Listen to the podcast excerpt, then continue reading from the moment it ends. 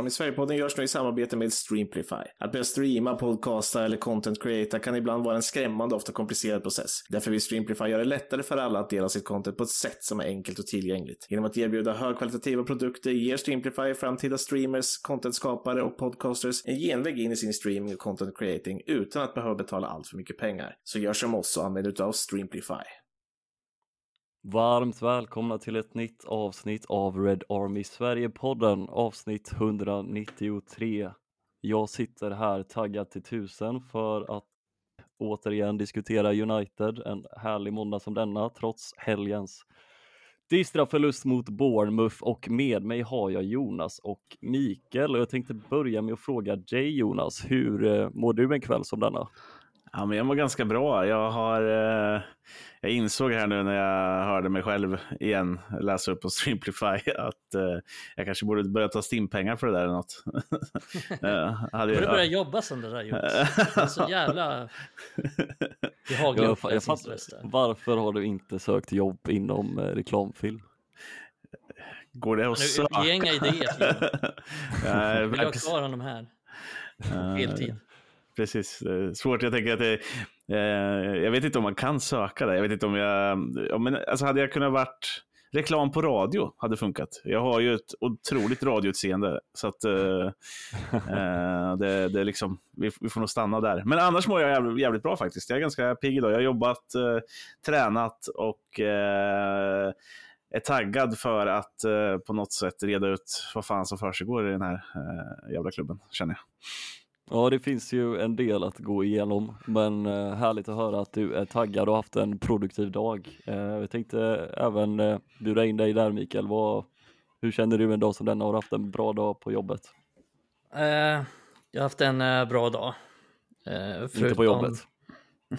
jag har haft en bra dag på jobbet och en bra dag på personligt plan. Ja, men gött. Men ja, förutom jag har tänkt lite, eller ganska mycket på, i och med att vi skulle podda så har ju smugit in sig mycket tankar från eh, matchen och generellt kring United och situationen så att det kanske drar ner mitt personliga mående en liten, liten bit. Men det är, ja men fan, det är snart jul och sådär så det är, det är bra. Det finns lite positiva element att eh, hänga upp vardagen på när eh, julen närmar sig helt klart. Men hur har du haft det Måns? Ja, jag ja, tänkte, du haft det? Berätta. Ska inte jag få frågan? Lilla Vad fan? Nej, men eh, jag, eh, jag har suttit i skolan idag och eh, vi sitter och skriver på vår uppsats, men jag sa till mina studentkamrater, att, eller polare, jag vet inte vad jag håller, varför jag håller på och slänga mig med ord som studentkamrater, det låter högfärdigt. Ja, men, formellt. Ja otroligt formellt. formellt. Men eh, vi har suttit och skrivit på vår uppsats, men jag fick, eh, jag fick gå lite tidigare. De satt och slet till klockan sex, men jag sa att eh, jag ska hem och spela in podd. Så att, äh, faktiskt. Vad bra att vi ger alibi till dig. Ja, ni, ni, ni ger mig alibi. Får jag fråga, hade du velat ha Mikael som lärare? Det är ju en väldigt bra fråga. Mikael har ju faktiskt redan varit på mig med det och dem flera gånger eh, sen jag började skriva på Red Army så har han dykt upp i chatten och, och skällt på mig så att, eh, jag har ju redan fått uppleva det lite. Du är inte den enda som har fått eh, uppleva det. Jag känner igen det där. det, det, är många i Sverige som har fått uppleva det. Mm. Du, eh, du, du gillar att köra lärarrollen även utanför eh, arbetstimmarna. jag är lärare på 24 timmar om dygnet. Ja, det är du fan. det är... Tur att du, eh, du kanske får lite fritid när du sitter här och poddar i alla fall. Ja, precis. Jag lovar att inte rätta någonting ni säger här. Förutom jag om det, det handlar om fotbollsmässiga. Då Förutom faktafel då, eller? Ja, precis. Då, det kanske då jag sveper in med. Akta er. Ja, eh, alltid skraj. Ja, jag är livrädd faktiskt om jag ska vara helt ärlig. Men eh, jag tänker att eh, innan, eh, ja, vi kan, vi kan la, köra bra, igång där och vi, jag är på, på tå och laddad. Är du också det Jonas? Ja men eh, kör bara för fan. Nu kör vi. vi Kom kör, igen. Vi kör. kör vi. vi, kör vi. Vi ska ju, nu, nu kör vi! Eh, vi ska faktiskt börja i en eh, positiv anda och eh, prata lite Chelsea. Eh, vi, vi vann ju mot Chelsea i onsdags och eh, eh, jag tänkte börja med att fråga er om eh, var inte det där Uniteds bästa insats för säsongen? Uh, jag, kan, jag kan hugga in på den. Om ni kommer ihåg den? Ja, det är svårt att glömma det andra. Det känns lite som att dela ut eh, eh, det här. Vill du börja med de bra eller dåliga nyheterna? Eh, och vi, börjar med de bra resultatmässigt och, prestationsmässigt så är det såklart superbra. Men, men jag skrev det i gruppen också. Chelsea-matchen är ju en match som spelar oss i händerna dels ett lag som vill spela längs backen och bakifrån och ett lag som in, nästan är lika dåliga på United som United på att göra det. Så vi får ju omställningslägen när vi vinner bollar högt upp och det är såklart att vi ser väldigt mycket bättre ut. Då. Sen är prestationen inte dålig oavsett, men Chelsea hade kunnat gjort en två, tre baljor de med om de hade eh, utnyttjat sina situationer. Så att, eh, jag vill inte höja den insatsen för mycket till skyarna. Nej, eh, jag håller med dig Jonas. Där. Det, var, det var bra, men så bra var det inte. Eh, men jag tycker ändå att det var, det var ett fall framåt och vi som lag var vi ganska mycket, vi var mycket aggressiva och ganska, vi var mer synkroniserade och skapade, vi skapade mycket chanser också så att man kan ändå säga att rent offensivt så och våra offensiva spelare så var vi ganska bra, men jag håller med om att Chelsea gav oss det mycket. De gav oss ytor som vi trivs i och gav oss möjligheter och eh, och näst, ja, inte alla så här, men flera av Uniteds målchanser kom ju efter att de tappade bollen i uppspelsfasen. Och, mm. eh, ja, men det, det, passade oss, den matchbilden som blev passade oss väldigt bra. Vi fick mycket ytor och vi fick ställa om mycket. Vi fick chanser att göra det och det utnyttjade vi den här gången. Ja, men något som är positivt är den här höga pressen liksom, som man lyckas sätta. Uh, det, det, att den ger resultat, men den det känns mm. som att den ger resultat bara för att de vill spela sig ut via backen. Och är ganska, ja, men, ganska dåliga på det. Framförallt. Ja, men de gör ju misstag. Ja. Alltså, det, vi, alltså Uniteds press är ju bättre än tidigare, men det är inte så att det är omöjligt att spela sig ur den pressen United kommer med, utan det är ju det är mycket att de gör ganska enkla misstag i, i uppspelsfasen. Och nu blir det negativt ändå. det var, det var jag, jag höll på, jag ville flika in och säga att eh, vi blev ju lite av eh, Chelsea i lördags mot Bournemouth i så fall, att vi gjorde samma misstag då. Ja, Men så. vi ska ju prata om den matchen lite senare och hålla oss kvar i det positiva. Ja, absolut. Eh, och jag, jag, hade ju tänkt fråga er eftersom att jag kan ju vara lite naiv ibland. Efter att jag hade sett matchen mot Chelsea så var det ju svårt att inte hålla smilebanden uppe och eh, Erik Ten Hag, eh, det var väl senast i veckan, men han har ju slängt sig med det uttrycket tidigare också. Han pratar ju ofta om eh, att laget ska vara proactive, de ska vara rörliga och modiga Eh, och ibland kan jag ju säga att vi har spelat på det sättet fast vi har gjort en riktig jäkla skitmatch. Men eh, mot Chelsea så tyckte jag faktiskt att eh, United var proactive, att de var brave och, och eh, dynamic om vi ska hålla det på engelska. Eh, men, men känner ni bara att det här var det var bara en Potemkin-kuliss liksom att eh, egentligen så, så var det inga framsteg i den här matchen. Alltså jag vill inte säga att det inte var framsteg. Eh, eh, nu, nu, är vi inne i hålla med varandra-podden här igen, men, men, men eh, som, som Micke sa, att liksom så här, det, det, någonstans så gör vi det ju bra, men vi, det, ser liksom, det blir liksom lite översminkat av att Chelsea faktiskt är så pass jävla dåliga som de är. Mm. Eh, sen så det här, Uniteds press funkar väldigt bra i den här matchen. Jag tycker att eh, om man ska jämföra de där matcherna ändå, även om vi ska prata Bournemouth sen, så, så tycker jag till exempel ytterbackspressen är väldigt mycket bättre mot, eh, mot Chelsea än vad den är eh, mot, eh, eller mot Chelsea än vad den är mot Bournemouth. Och, och. Jag tror aldrig jag sett Dalot springa så mycket som han gjorde i onsdags faktiskt. Jag håller med dig där. Nej, men, ja, men det är ju en sak. Hålla med på det. Ja, men precis. Ja, men det är ju en sak. Och, och när de kommer upp så där pass högt då eh, och vinner bollar där uppe, ja, men det, det, är, det är ett sätt att vara modiga och det är ett sätt att vara proactive och, och allting sådär. Så det, det stämmer ju in på det han säger, men det är ju också ett visst chansartat spel. för blir vi slagna där och inte vinner bollen, det är då vi är ganska eh, sårbara eftersom vårt mittfält är väldigt dåliga på att backtracka liksom, och, och vi lämnar Amrabat ganska själv. Nu är ju han mm. faktiskt mm. eh, någon som vi har klagat lite på, men är väldigt bra i den matchen eh, mot Chelsea. Eh, Amrabat är lysande faktiskt, eh, enligt mig. Eh, gör sin klart bästa match. Eh, både i spelet med boll och spelet utan boll. Så att det, mm. Men det blir ändå för mycket ytor och, och ja, gud, ja. överlag. Och de, det som vi sa i början också, att vi släpper ändå till ganska mycket återigen i, i den här matchen. Så att vi har ju vi har lite marginaler med oss att vi bara släpper in ett mål för vi hade lätt kunnat släppa in två eller tre. Sen ska det sägas också att vi lätt hade kunnat göra fyra eller fem mål för att mm. rent offensivt så, så var det nog den bästa insatsen. Trots att Chelsea gav oss mycket så får man ändå ge United cred att eh, det, anfallsspelet fungerade bra och vi skapade många målchanser och jo. var pigga liksom framåt också. Ja, McTominay ska väl nästan göra ett hattrick med tanke på uh, den jävla dubbelchansen han får också. Det, det, är, det där är så jävla typiskt United, det känns som att vi inte gör mål på den chansen. Som ett exempel bara för att... Typiskt United den här säsongen. Mm.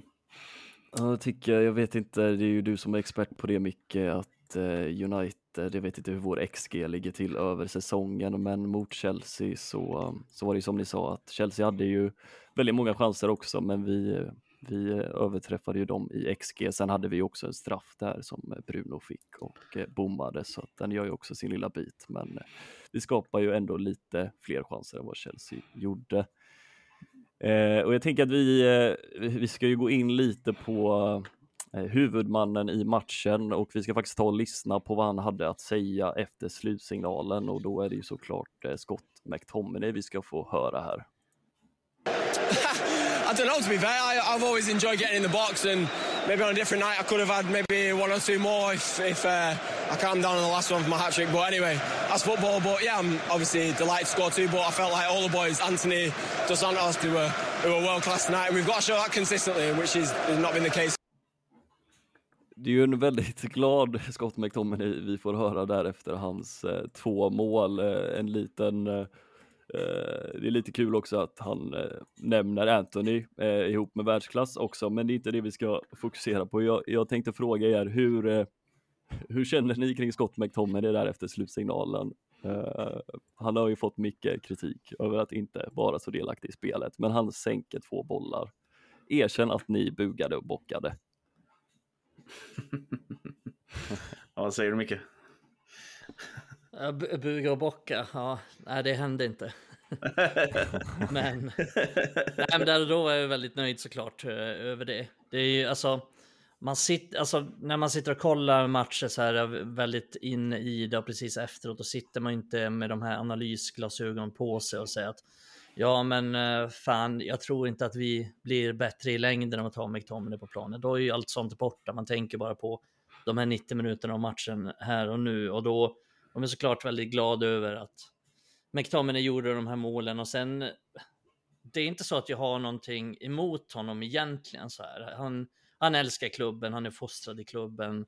Eh, han ger alltid allt, liksom, han visar stort hjärta och sådär. På, på så sätt så gillar jag honom och sen gillar jag också att han, han är liksom, han har ju maximerat sin potential. Han är inte den mest talangfulla spelaren eh, i truppen eller i världen eller ens i um, Manchester, men han, han ger alltid allt och han har sett till att maximera sin potential och, och det gör han ju verkligen i den här matchen. Och sen, um, ja, det är inte första gången man jublar över McTominay den här säsongen. Är, han har ju den här matchen mot Chelsea, men även då mot Brentford.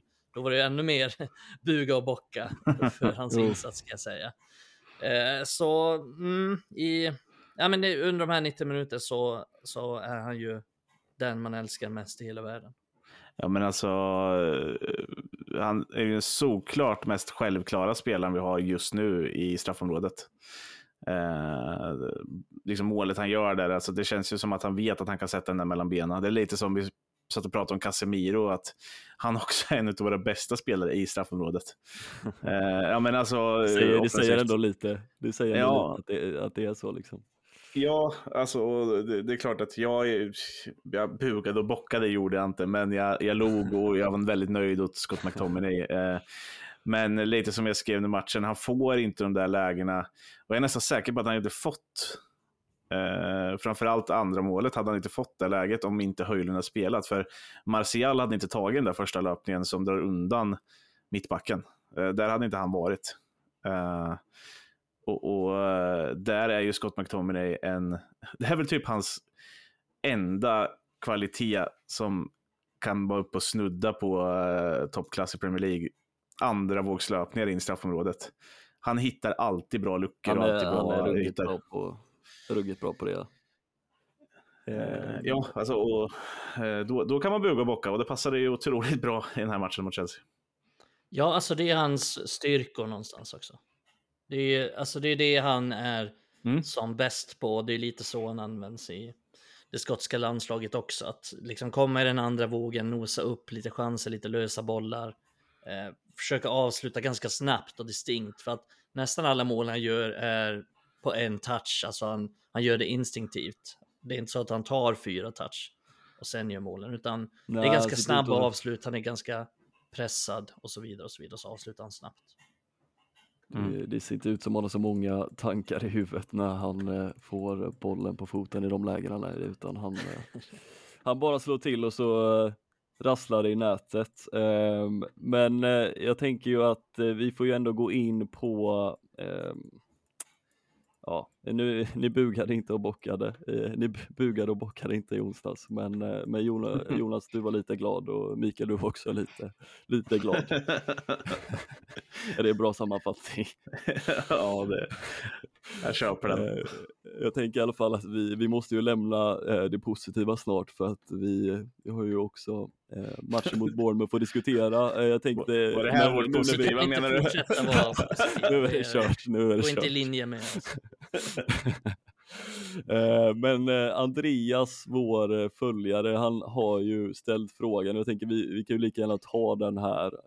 Hur kan Erik Ten Hag starta McTominay när det är uppenbart hur lidande spelet blir? För han fick ju starta sen mot Bournemouth, som vi alla vet. Mm. Och svara inte med mål nu, och det är ju precis det vi pratat om, det han kan. Men Ja, men det är ju en av anledningarna. Det är, så det är ju den stora anledningen till att han får starta. Alltså måste det vara. Det är den enda att han, han ser att han kan få ut mål av McTominay. Och det visste man, jag har sett att det är flera som vill att vi inte ska svara där.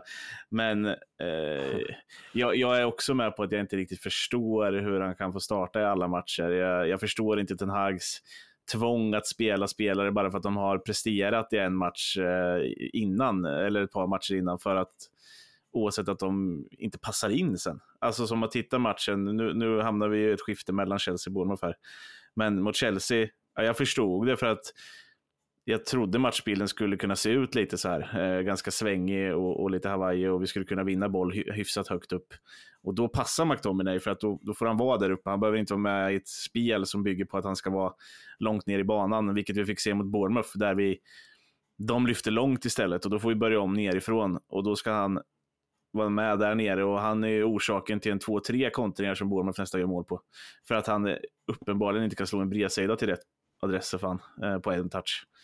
Det, och då, då håller jag liksom, det, det, då, då fattar inte jag heller varför han ska spela, utan det, det finns egentligen bara en anledning, eller två anledningar då. Micke har nämnt dem. Eh, det är hans inställning på planen och hans närvaro i offensivt straffområde. Det är de två grejerna som, som lyfter fram honom till att få spela de här matcherna. Ut och in. Ja, men det är ett ganska bra exempel där just i matchen mot, mot Bournemouth, att han, inte, han är ingen mittfältare. Nej. Alltså, han har inga egenskaper som en mittfältare har. Om vi jämför så här, när Maino kommer in till exempel, då ser man direkt så här att fan, han har egenskaper som mittfältare har. Han är extremt bra på de här sakerna som mittfältare oftast är bra på. Men så tänker man inte riktigt om McTominay, utan han är någon slags hybridspelare som inte är någonting egentligen. Lite som Fellaini var under Moyes. Och lite så ser jag McTominay under, under Ten Hag. Eh, alltså att han har egentligen ingen mittfältsroll och vi tappar en extra spelare på mittfältet. Och vi tappar en extra spelare som skulle bidra med balans och göra oss mer kompakta som lag. Eh, så, så det är egentligen det vi tappar. Vi, vi vinner på att han kanske gör mål ibland. Vi ska inte låtsas som att han gör mål varje match, för det gör han verkligen inte. Han gör mål ibland. Han kanske gör mål mest i United, men han gör inte mål jätteofta. Så vi ska inte låtsas som att det är varje match att han stänger nej. dit en, två bollar. Utan ibland så sätter han någon boll. Vad har han gjort? Fem, sex mål den här säsongen kanske. Så det är inte, det är inte jättemycket mål han har gjort egentligen. Men eh, Men Eh, Andreas, så- eh, han, eh, han sa ju att vi får ju inte svara med mål. Ja, men det, Men, det, eh, det enkla svaret är att det är det han bidrar med och det är därför han spelar. Ja, Eh, För att göra mål eller för att utgöra ett hot och hamna i avslutslägen i motståndarnas box. Eh, och skapa lite oreda hos, hos motståndarna. Och sen som jag sa innan, han är bra på att komma i andra våg eh, in i boxen också. Och, men eh, nej, men vi, vi tappar ju de här andra kvaliteterna. Eh, och sen var han ju mer involverad mot, mot Bournemouth mer än vanligt eftersom vi hade så pass mycket boll. Men då behöver vi också andra kvaliteter för att höja passningstempot och hitta vägar igenom deras försvar. Och där är ju McTominay ett felval i, i just den matchen för att han kan inte slå avgörande passningar. Han slår aldrig avgörande passningar. Är, han slår aldrig en genomskärare eller en kreativ passning egentligen. Utan han Nej. spelar väldigt enkelt bara när han får bollen. Han spelar hem eller spelar sidled eller, eller så. Och sen, Och inte ens där gör han ju speciellt bra. Eller? nej. Ofta, ofta tas det upp statistik på att han har så få touches efter en match. Liksom. Han rör inte bollen så mycket. Men eh, egentligen kan man ju undra sig om det kanske inte är mer positivt att han har 20 touches efter en match än eh, eh, närmare 60 som det var sist. Då, för att det blir ju bevisligen inte så bra när han väl eh, har bollen. Men sen hade han väldigt hög passningsprocent faktiskt mot, eh, eh, mot Bournemouth. Men det behöver ju inte betyda att eh, Nej, men det, passningarna går rätt. är inte det lite inne på att... Men alltså som du säger, alltså det är lite så här att de, de man väl missar där, det är de som blir ödesdigra och han gör dem ju mycket nere på liksom defensiv eh, planhalva och Mm. resten... Exakt, han missar när han blir pressad eller Ja. när han hamnar i tidsnöd och så här. Sen är det ju svinmånga av de passningarna han slår är ju bara sen sådana som, som vi hade kunnat slå. Liksom. Han har ingen press på sig, han bara slår en enkel boll i, i sidan och liksom Ja, han- bollen inom Jag tror han satte Antoni skit ett antal gånger mot Bournemouth som, som han ändå löste faktiskt. Eh, även mot Chelsea måste jag säga. eh, Jag vet som, inte varför jag skrattar när jag tänker på men det. Han, ja. ja, men alltså, det är, inte så här, det är så här alibi-passningar som han slår bara för att Antoni är fri, men Antoni är egentligen En inte fri. mittfältare ska slå sådana passningar. Men han har glömt bort att han inte är en mittfältare. Han har inte de kvaliteterna att kunna värdera heller var, vad han ska slå för passningar. Så att han slår bara sådana för att slå dem egentligen. Ja. Eh, nej, men jag, jag tror att du nämnde det där Måns, att det kanske är bra att han inte har så många toucher. Jag, jag tror att det är ganska medvetet också, så här av Ten Hag. Alltså, Mm. han är inte, han är ganska sällan med i spel. Han är ganska sällan, han kommer ner och hämtar boll till exempel. Och det är inte meningen att han ska göra det heller. För han är inte bra på det. Men har vi Sen- råd med ha mittfältare som, som inte har så är mycket toucher det. då? Vad sa du? Har vi råd med mittfältare som inte har så mycket touch? Då? Jag tänker, Bruno är ju redan liten sån. Alltså, han är ju inte... Precis. Alltså, Det är därför det inte går att spela de två samtidigt. Och då ser man ju liksom vad som händer också. För att då kommer ju Bruno ner och hämtar. Och det är det som orsakar det första målet. För att Bruno är väldigt långt nere och slår en helt, helt onödig passning, också en svår Jo. passning till Han McTominay. har som ju region, han har ju region framför sig som han kan lägga passen i djupet till liksom, i djupled. Men så väljer han McTominay. Och, eh, Och McTominay, egentligen så, exakt, om vi kollar på, vi kommer komma in på mittfältet sen, men, men de vi ställer upp med Amrabat, eh, McTominay eh, och Bruno, så egentligen så ska inte Bruno och McTominay vara där nere så mycket. För att de har inte kvaliteten att, att vara där nere och de, Nej. det passar inte deras styrka. Så deras styrkor är ju båda egentligen att vara precis utanför straffområdet. Och I McTominays fall så är det att komma in i straffområdet och avsluta kanske. Och i Brunos fall är det att slå en avgörande passning eller ta ett skott utifrån. Men egentligen så, så har båda sina styrkor i ungefär samma ytor. Mm. Och alltså, blir det inte lite att det känns så jävla uppenbart att vi saknar just box-to-box mittfältaren eller? Alltså just den här Mainu mittfältaren typ som jag vet att vi har och jag tror att alla tänker på. Men att som byta ut Bruno eller McTominay mot just den spelaren som kan springa box till box och jobba både utanför straffområdet offensivt och utanför straffområdet defensivt. Eh, både med och utan boll. Ja, framförallt kunna bygga upp något slags spel för att nu spelar vi aldrig genom mittfältet egentligen. Eh, och Bournemouth, de förvisso pressar oss lite, men de pressar inte oss så högt och de låter oss ha bollen en del i backlinjen och sådär. Eh, och det är storyn nu när vi har Onana. Det är nästan, det är inget lag som pressar Onana riktigt. Nej. Eh, utan de, låt, de vet att han är så pass bra med bollen att det är helt onödigt att göra det. Så att de sätter inte sin press lika högt som de gjorde förra säsongen, till exempel när vi hade de Gea. För då var det värt att pressa honom. Eh, men vi spelar ju aldrig genom mittfältet egentligen och det är inte så konstigt eftersom vi ställer upp mittfältet med att vi har en sexa i Amrabat och sen har vi två extremt offensiva åttor, nästan tio i McTominay och Bruno. Så att vi har ju ett jättestort hål däremellan. Vi har inget mittfältspel egentligen. Eh, om man Chelsea så funkar det, för då kan vi vinna bollen högt upp och vi pressar dem högt upp och, och så vidare. Vi, det blir inte så mycket mittfältspel i matchen mot Chelsea, men mot Bournemouth så blir det mycket mittfältspel eftersom de sitter lägre och de låter oss ha mycket mer boll, vilket gör att vi behöver bygga upp ett spel. Vi bygger, behöver bygga upp ett mittfältspel, men vi, vi lyckas aldrig med det. Eh, matchen mot Bournemouth till exempel, men vi, vi, har, vad har vi 20 skott mot Bournemouth, men vi skapar aldrig någonting egentligen. Jag kan inte minnas att Nej. Neto gör en enda räddning i matchen. Inte, inte en enda kvalificerad räddning i alla fall som man tänker på. Oj, en svår räddning eller en, Nej, det var ju, som kunde hända. var det inte Maguires eh, nick som blev den farligaste målchansen för oss? Ja, men typ.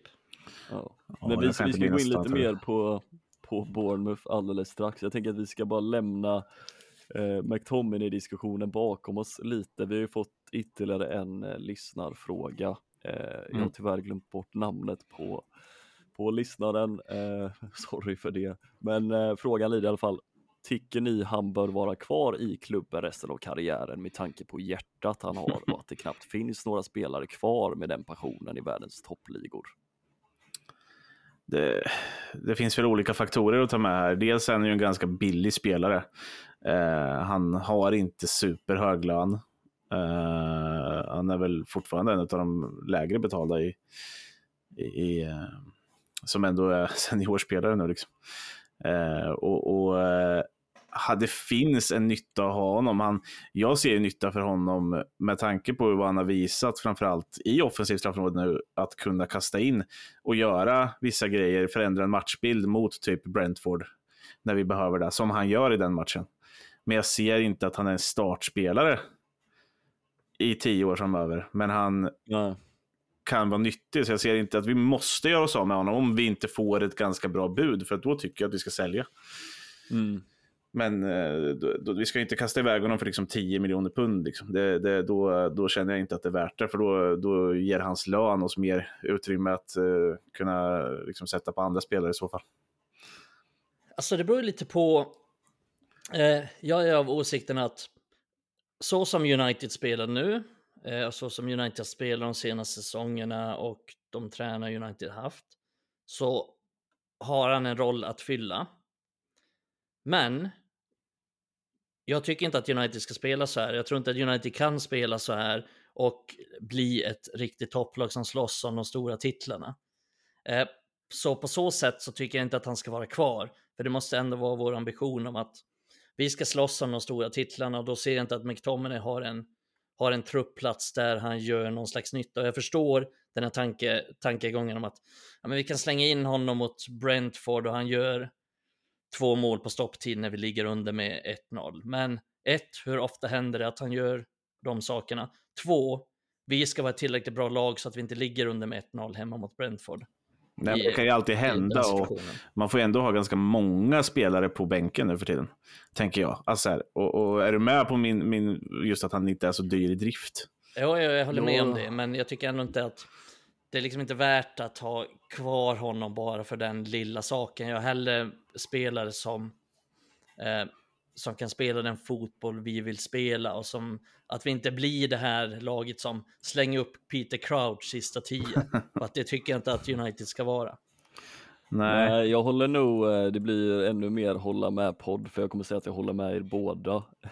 Men, eh, så, jävla, med så jävla svenskt här. Alltså ändå. jag lutar nog eh, 55% mot eh, Jonas och 45% mot eh, Mikael. Så jag håller med Jonas Seger. lite mer. Nej, jag, vill, jag, jag kommer fan sträcka mig till eh, 75% Jonas och 25% Mikael.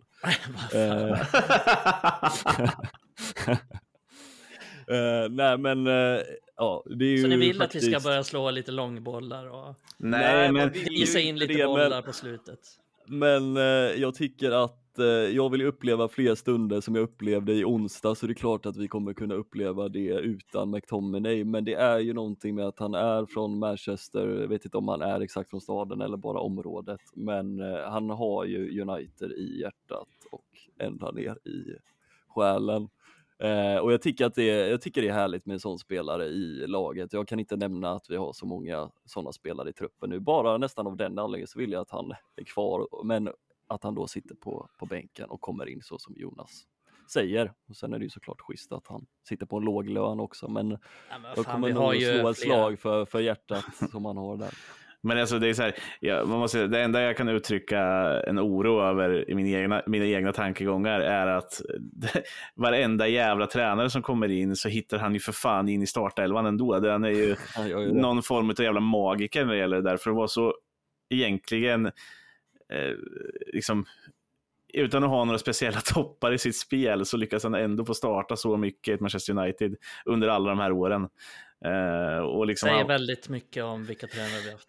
Ja, och klubben i stort. Eh, Han, och- han kanske är eh, en manipulatör, en, en sociopat. Nej. Psykopaten McTominay. Vet du. Jag tyckte det var kul också att man spelar, vi spelade på ett klipp med Scott McTominay och det är så jävla skotskt det han säger. Det är Det är knappt det. hörbart ändå, alltså, även fast man kan engelska. Det, Vi, ska ju faktiskt få lyssna på honom eh, lite senare igen också. Underbart. Få, få nog av, av det skotska. Eh, jag tänker att, jag tror att vi har eh, vi har tagit upp Scott McTominay eh, tillräckligt mycket för det här avsnittet, även om han kommer komma upp på tapeten lite senare igen. Eh, jag skulle vilja höra det som jag tycker är intressant faktiskt, jag måste ju säga det att jag läste ju din eh, krönika som du har skrivit för flera år sedan och nu lämnar vi inte alls Scott McTominay som jag sa, men det här, eh, för du vill ju inte att han ska vara kvar i klubben långsiktigt och jag förstår ju eh, du argumenterar ju för det bra Mikael, men eh, när jag läste din krönika och det här med hans grit så det är ju fängslande då hur han har eh, nått hit, att eh, han har ju inte så mycket teknik. Skulle du bara vilja utveckla det här med grit? Uh, ja, just det. Ja, men det är väl en sån här, alltså grit, jag läste en bok tidigare som, som handlar om det och det är väl en sån här odefinierbar egenskap som man har, typ som på svenska kan kallas typ jävlar anamma. Alltså typ att man har den mentala styrkan och man har den här inre kraften att, att liksom maximera sin potential och, och nå så långt som ens egen potential tillåter att man når. Så det är väl egentligen definitionen av det och det har ju han, alltså han har ju pratat om de här sakerna, han har inte nämnt benämningen grit, men han har pratat om de här sakerna tidigare i, i intervjuer om hur han tycker att ja, men de flesta dagens fotbollsspelare är softa, alltså soft på engelska, så att de är mjuka och lite så här bekväma och sådana saker. Och eh, sen finns det mycket historier också när McTominay var ung om att han kanske hellre var i gymmet och tränade och, eh, än att vara med polarna och spela tv-spel som kanske många andra fotbollsstjärnor hellre gör. Och, eh, ja, men jag tänker framförallt på typ sådana, sådana spelare som har nått så långt som möjligt i sina karriärer. Eh, typ som Cristiano Ronaldo, han är extremt mycket grit. Att, att hela tiden maximera sin potential, att inte ta någonting för givet, att inte lämna någonting åt slumpen, att se till att han är så förberedd som han kan vara och se till att han är så vältränad som han bara kan vara och se till att han är så bra som han bara kan på alla de här sakerna. Mm. Det är därför de spelarna har nått dit de har nått. För Jag, att jag, de har tycker den här det, jag drivkraften tycker det i sig.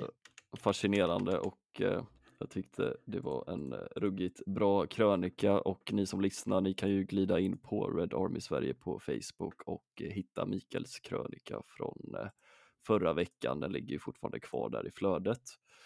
Eh, ja, och det är ju lite det här med grit som du utvecklade, det är det som jag, det finns ju så många primadonnor i dagens fotboll att eh, bara den här eh, att, att han har grit, precis som du har definierat, det tycker jag är skäl nog att eh, behålla honom i klubben. Men eh, man kan ju tänka längre än så. Ja, men alltså det här kan ju också, alltså alla de här sakerna kan ju användas i det vardagliga livet och för egentligen alla människor oavsett vad man har för, eh, vad man håller på med. Alltså det kan ju handla om alltså skrivande, om läsning, om vad fan som helst. Eh, det behöver inte handla om, handla om, om idrott och det är alla sådana här uppoffringar som man gör för att nå dit man, man vill och det är ganska, jag blir alltid imponerad av sådana personer eftersom jag skulle vilja ha mycket grit, men jag har inte så, så mycket så mycket av det. Eller sen kanske jag har det i vissa, vissa delar så här eftersom jag håller på mycket med fotboll. Så kanske jag har grit i det, men jag skulle vilja grit, ha det grit i så mycket i mer. raspodden. Ja, jag skulle vilja ha det så, i, så, i så mycket mer. Men eh, man blir alltid imponerad av den typen av, av personer som, som verkligen lyckas eh, nå så, så långt som de bara kan. För att McTominay har inte den här eh, grundtekniken som de bästa. Han har inte liksom Messis grundtalang, även om Messi såklart också har jobbat extremt hårt för dit. Nej, men jag tycker, vad, vad säger du Jonas? Hade du önskat eh, mer grit i ditt liv eller är du, är du nöjd? alltså, när man har varit eh, med på FN-bandet hela livet vid vikten så måste man ha lite grit för att ta sig igenom det och fortsätta spela fotboll. Så att, eh, det, nej, jag vet inte. Alltså jag, det, det, är väl klart man hade önskat till viss del lite mer så, lite liksom framförallt eh, idrottsmässigt att man hade orkat ta för sig lite mer och vågat eh, eh, liksom vara den där killen med grit eh, som tar sig en bit. Men det är inte alla som lyckas med det. Det är klart att han har en viss grundtalang som gör att han tar sig dit också. Men det är ju ett hårt slit för hans del som, som gör att han är där han är idag. Och sen såklart lite tur också. Att eh, det passade väldigt bra in när, eh, när han liksom fick eh, togs upp av Mourinho där. Och, och, och eh, att han också lyckades göra någon form av prestation. Och, och det är det där, alltså alla fotbollsfans, United-fans, eh, speciellt är ju väldigt sugna på sina ungdomar och när de kommer upp och visar den här Hannibal-grejen, eh, McTominay-grejen, liksom att man springer och, och, och då, då får man ju, det är lättare att älska en, en Jadon Sancho som gråter på Twitter. Liksom. Uh, då, då får man ju inte mycket huvud med sig, så, så, så enkelt är det. Uh, Sancho ja. skulle behöva lite mer grit. ja, det är... Jag är beredd, beredd att hålla med. Uh, nej, men uh, sen alltså, när McTominay kom fram, det precis som du säger, det var ju under Mourinho så det löd tur också. Mm. Hade United haft Pep Guardiola så hade han inte spelat i United idag eftersom då hade han aldrig fått chansen så hade han sålts till Rochdale för eh, några hundratusen. Men mm. så det gäller att ha tur också, vem är tränare och vad, vad, vad värderar tränaren och, och så vidare. För att jag såg i många av de matcherna då när han spelade ungdomslaget och han spelade dessutom anfallare då, striker i ungdomslaget. Så att han spelade inte ens mittfältare då som han kom fram som sen under Mourinho utan han spelade ju central anfallare och han var ju, alltså han var ju medioker i laget. Han var inte bland de bättre eh, mm. överhuvudtaget. Och de som var bäst i det laget spelar ju nu liksom i The Championship och League One och sånt. Så att han har ju verkligen haft en lite senare utveckling och utvecklats. Så verkligen tagit chansen när han har fått den också. Det gör han ju ofta. Det gör han ju än idag också. Att när han väl kommer in i de här situationerna så, så har han förmågan att göra skillnad. Och det är också en så här odefinierbar egenskap som han har. Och det handlar väl mycket om den här gritten som han har också. Att han, ja. han är ja, banne mig där. Ja, jag skulle gärna vilja sitta och prata om grit i 20 minuter till för jag tycker det är förbannat intressant. Eh, men eh, jag tror vi får eh, släppa, släppa gritten och, och McTominay kan ju i alla fall vara glad att han kan avgöra matcher på Old Trafford nu istället för att sitta på den kalla bänken i Rochdale. Jag älskar att vi sågar sönder Rochdale på något jävla vänster. Eller, eller har du... Fan, de är inte ens kvar i ligasystemet nu, stackars Rochdale. det hade de varit ifall McDonald Kan Exeter också. Vi, eh, vi, vi tar inte fram På tal om Exeter så eh, spelade ju, eller spelade ju Dimitri Mitchell där. Han var ju med i samma ungdomslag som McTominay. Jag tror fan inte han var med när jag tittade nu. Jag var ju på Bolton Exeter. Nej, han har dragit korsbandet. Ja, jag tänkte säga, han var... Var det vem var det som var i eh, AFC Eskilstuna och spelade? Var det Zac, uh, Zac Friars? Friars? Ja, just det. Känns bara... inte som att han blir kvar där. jag vet inte om han är kvar ens, men han, han var där i alla fall. Drog snabbare än... drog snabbare än Robert Morrison från Östersund. Ja, drog snabbare än Lucky Luke. jag körde lite Football Manager 2024 och då spelade jag med Öster och då mötte vi Eskilstuna och då såg jag Friars eh, på motståndarsidan och eh, Jag hade Mm. absolut inte haft någon aning om vem han var om jag inte visste att ni, eh, om jag inte hade lyssnat på podden när ni tjötade om honom. Det var, ju, eh, det var lite kontroversiellt när Friars lämnade United där. Ja, det Fergie skällde ut Tottenham. Men det var väl så att hans kontrakt eh, skulle gå ut, han ville inte förlänga med United, så var han på väg till, till Tottenham, men så United sålde honom till något belgiskt lag tror jag sen. Var det bara liksom en deal mellan Tottenham och den belgiska klubben om att han skulle vara där i typ ett halvår, sen köpte Tottenham honom därifrån. Sen gick det åt helvete för, för honom ändå i, i Spurs. Så. Men Ja, jag minns att Fergie var jävligt förbannad. ja, det behöver han inte vara längre i alla fall. Nej, det behöver inte vara. Tack för eh, kunskapen om eh, Friars och vi har även eh, lärt oss Friars gjorde debut i... Jag ska inte släppa Jag- jag- jag gjorde debuten i United. Minns du den Jonas? Han kom in och halkade. Vad fan Eh, han men gjorde. kan det här, var det här eh, typ eh, någonstans där släpper- släpper- vi var eh, tränare i slutet? När tog över. Ja, nej, jag, nej, det var det under tidigare? Fergie någon gång. Men det var 29, 2010. Där Ja, var det så tidigt till och med? Ja, nej, då, då, nej, då, då också debuterade. ja, ju- ja, de var ju samma. Lig, Ja, ligacupen där. Han kom in på vänsterkanten där. Jag minns bara att han halkade. Det är det jag minns hans A-lagsframträdande. En av de bästa debuterna jag kommer ihåg är Josh Harrop. Eh, Det var Giggs i alla fall. Ja, ja. Ja. Giggs bytte in sig själv också. Nej, nu ska vi inte störa längre Måns. Kör! Nej, nu får du köra. Jag eh, kom precis tillbaka han med ett, eh, en toapaus. Nej, men eh, vi, eh, vi lämnar Friars, vi lämnar Grit, vi lämnar gamla debutanter för United och eh, så ska ju vi faktiskt diskutera vad som hände i lördags mot Bournemouth.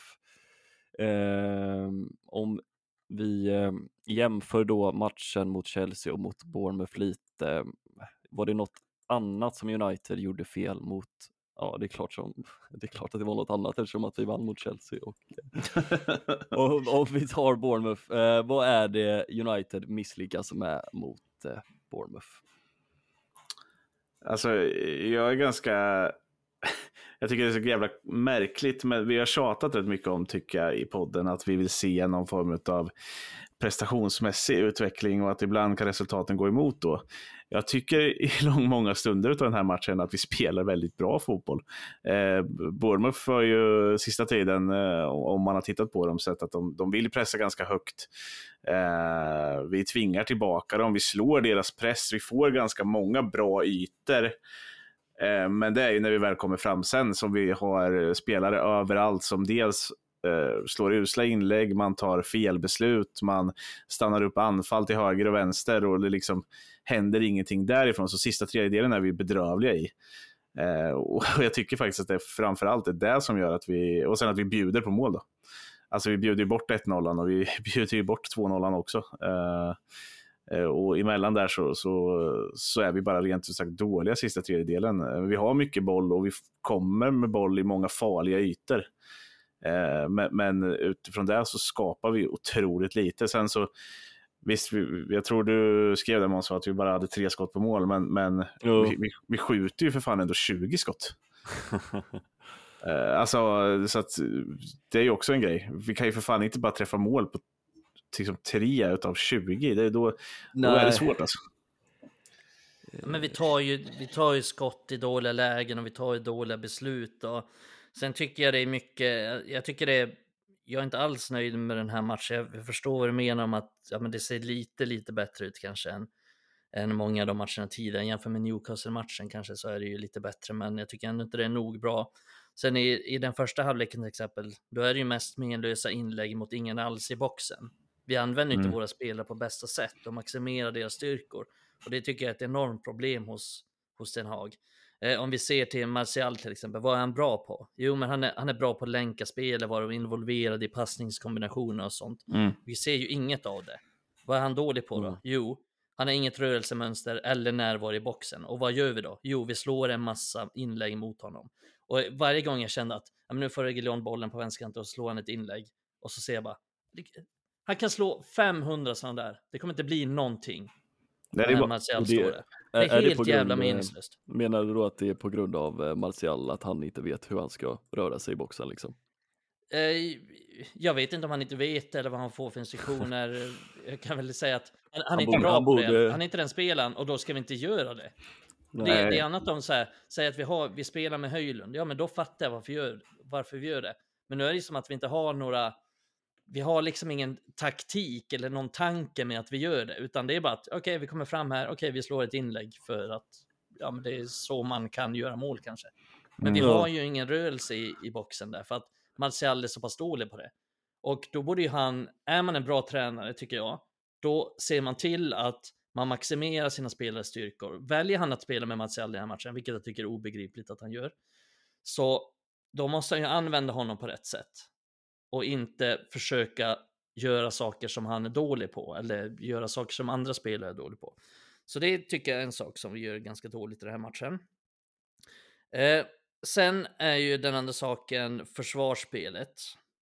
Eh, som sagt tidigare, vi har ett obalanserat mittfält och eh, det fortsätter vi ha i, i varenda match egentligen. Det är ingen skillnad den här matchen. Och sen är jag med dig där Jonas, att jo, vi, vi gör misstag i, i de här uppspelen. Men det är fortfarande så att man kan göra misstag utan att bli alltför straffade. Om man har bra täckning. Men vi har aldrig bra täckning. Nej, det, Eh, och, det, och det är bara att se till vad, vad, vad liksom Ire, Ire, heter han, Iraiola, eller hur Ja. uttalar den, jag vad tror- Bournemouths tränare säger efter matchen. Han säger ju i princip att ja, men vi vet att vi kommer få omställningschanser mot United eftersom de flyttar upp så mycket folk. Exakt så säger han, i princip ordagrant. Mm. De flyttar upp så mycket folk. Eh, och det är, ju, det är ju fortsatt så. Vi har bara Amrabat på mittfältet. Bruno och McTominay, de är inga mittfältare. De, de kanske står uppställda som mittfältare, men de är inga mittfältare. De är inte där nere någon gång. Eh, förutom när de är där nere några gånger och tappar boll. Men, men i övrigt så, i stort sett så är de inte där. Och kollar man deras genomsnittliga position så är de i princip lika högt upp som Martial är i den här matchen. Eh, så vi, vi har ingen täckning. Ja, vi, vi tappar boll, ja vi gör det dåligt i de situationerna, men det ska fortfarande inte kunna bli mål varenda gång vi tappar boll i de situationerna för att vi måste ha någon slags täckning bakåt, vi måste ha någon slags täckning när vi tappar boll. Men det, men det har vi inte. Eh, och sen är vi fortsatt usla på fasta situationer, vi har fortsatt det, vi har fortsatt det, så att ja, jag, jag vet inte, vi förlorar med 3-0 hemma mot Bournemouth, en said.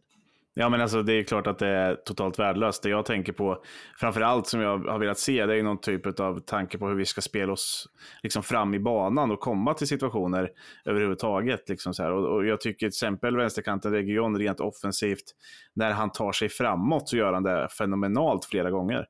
Eh, men det är valet sen vem man slår passningen till, eh, vart Martial är, vart Bruno är, vart McDominay är. Alltså så här, vad vi gör utifrån det sen, det är ju horribelt. Och det är ju de lägena många gånger, ja, vi slår den till McTominay och så slår han en felboll.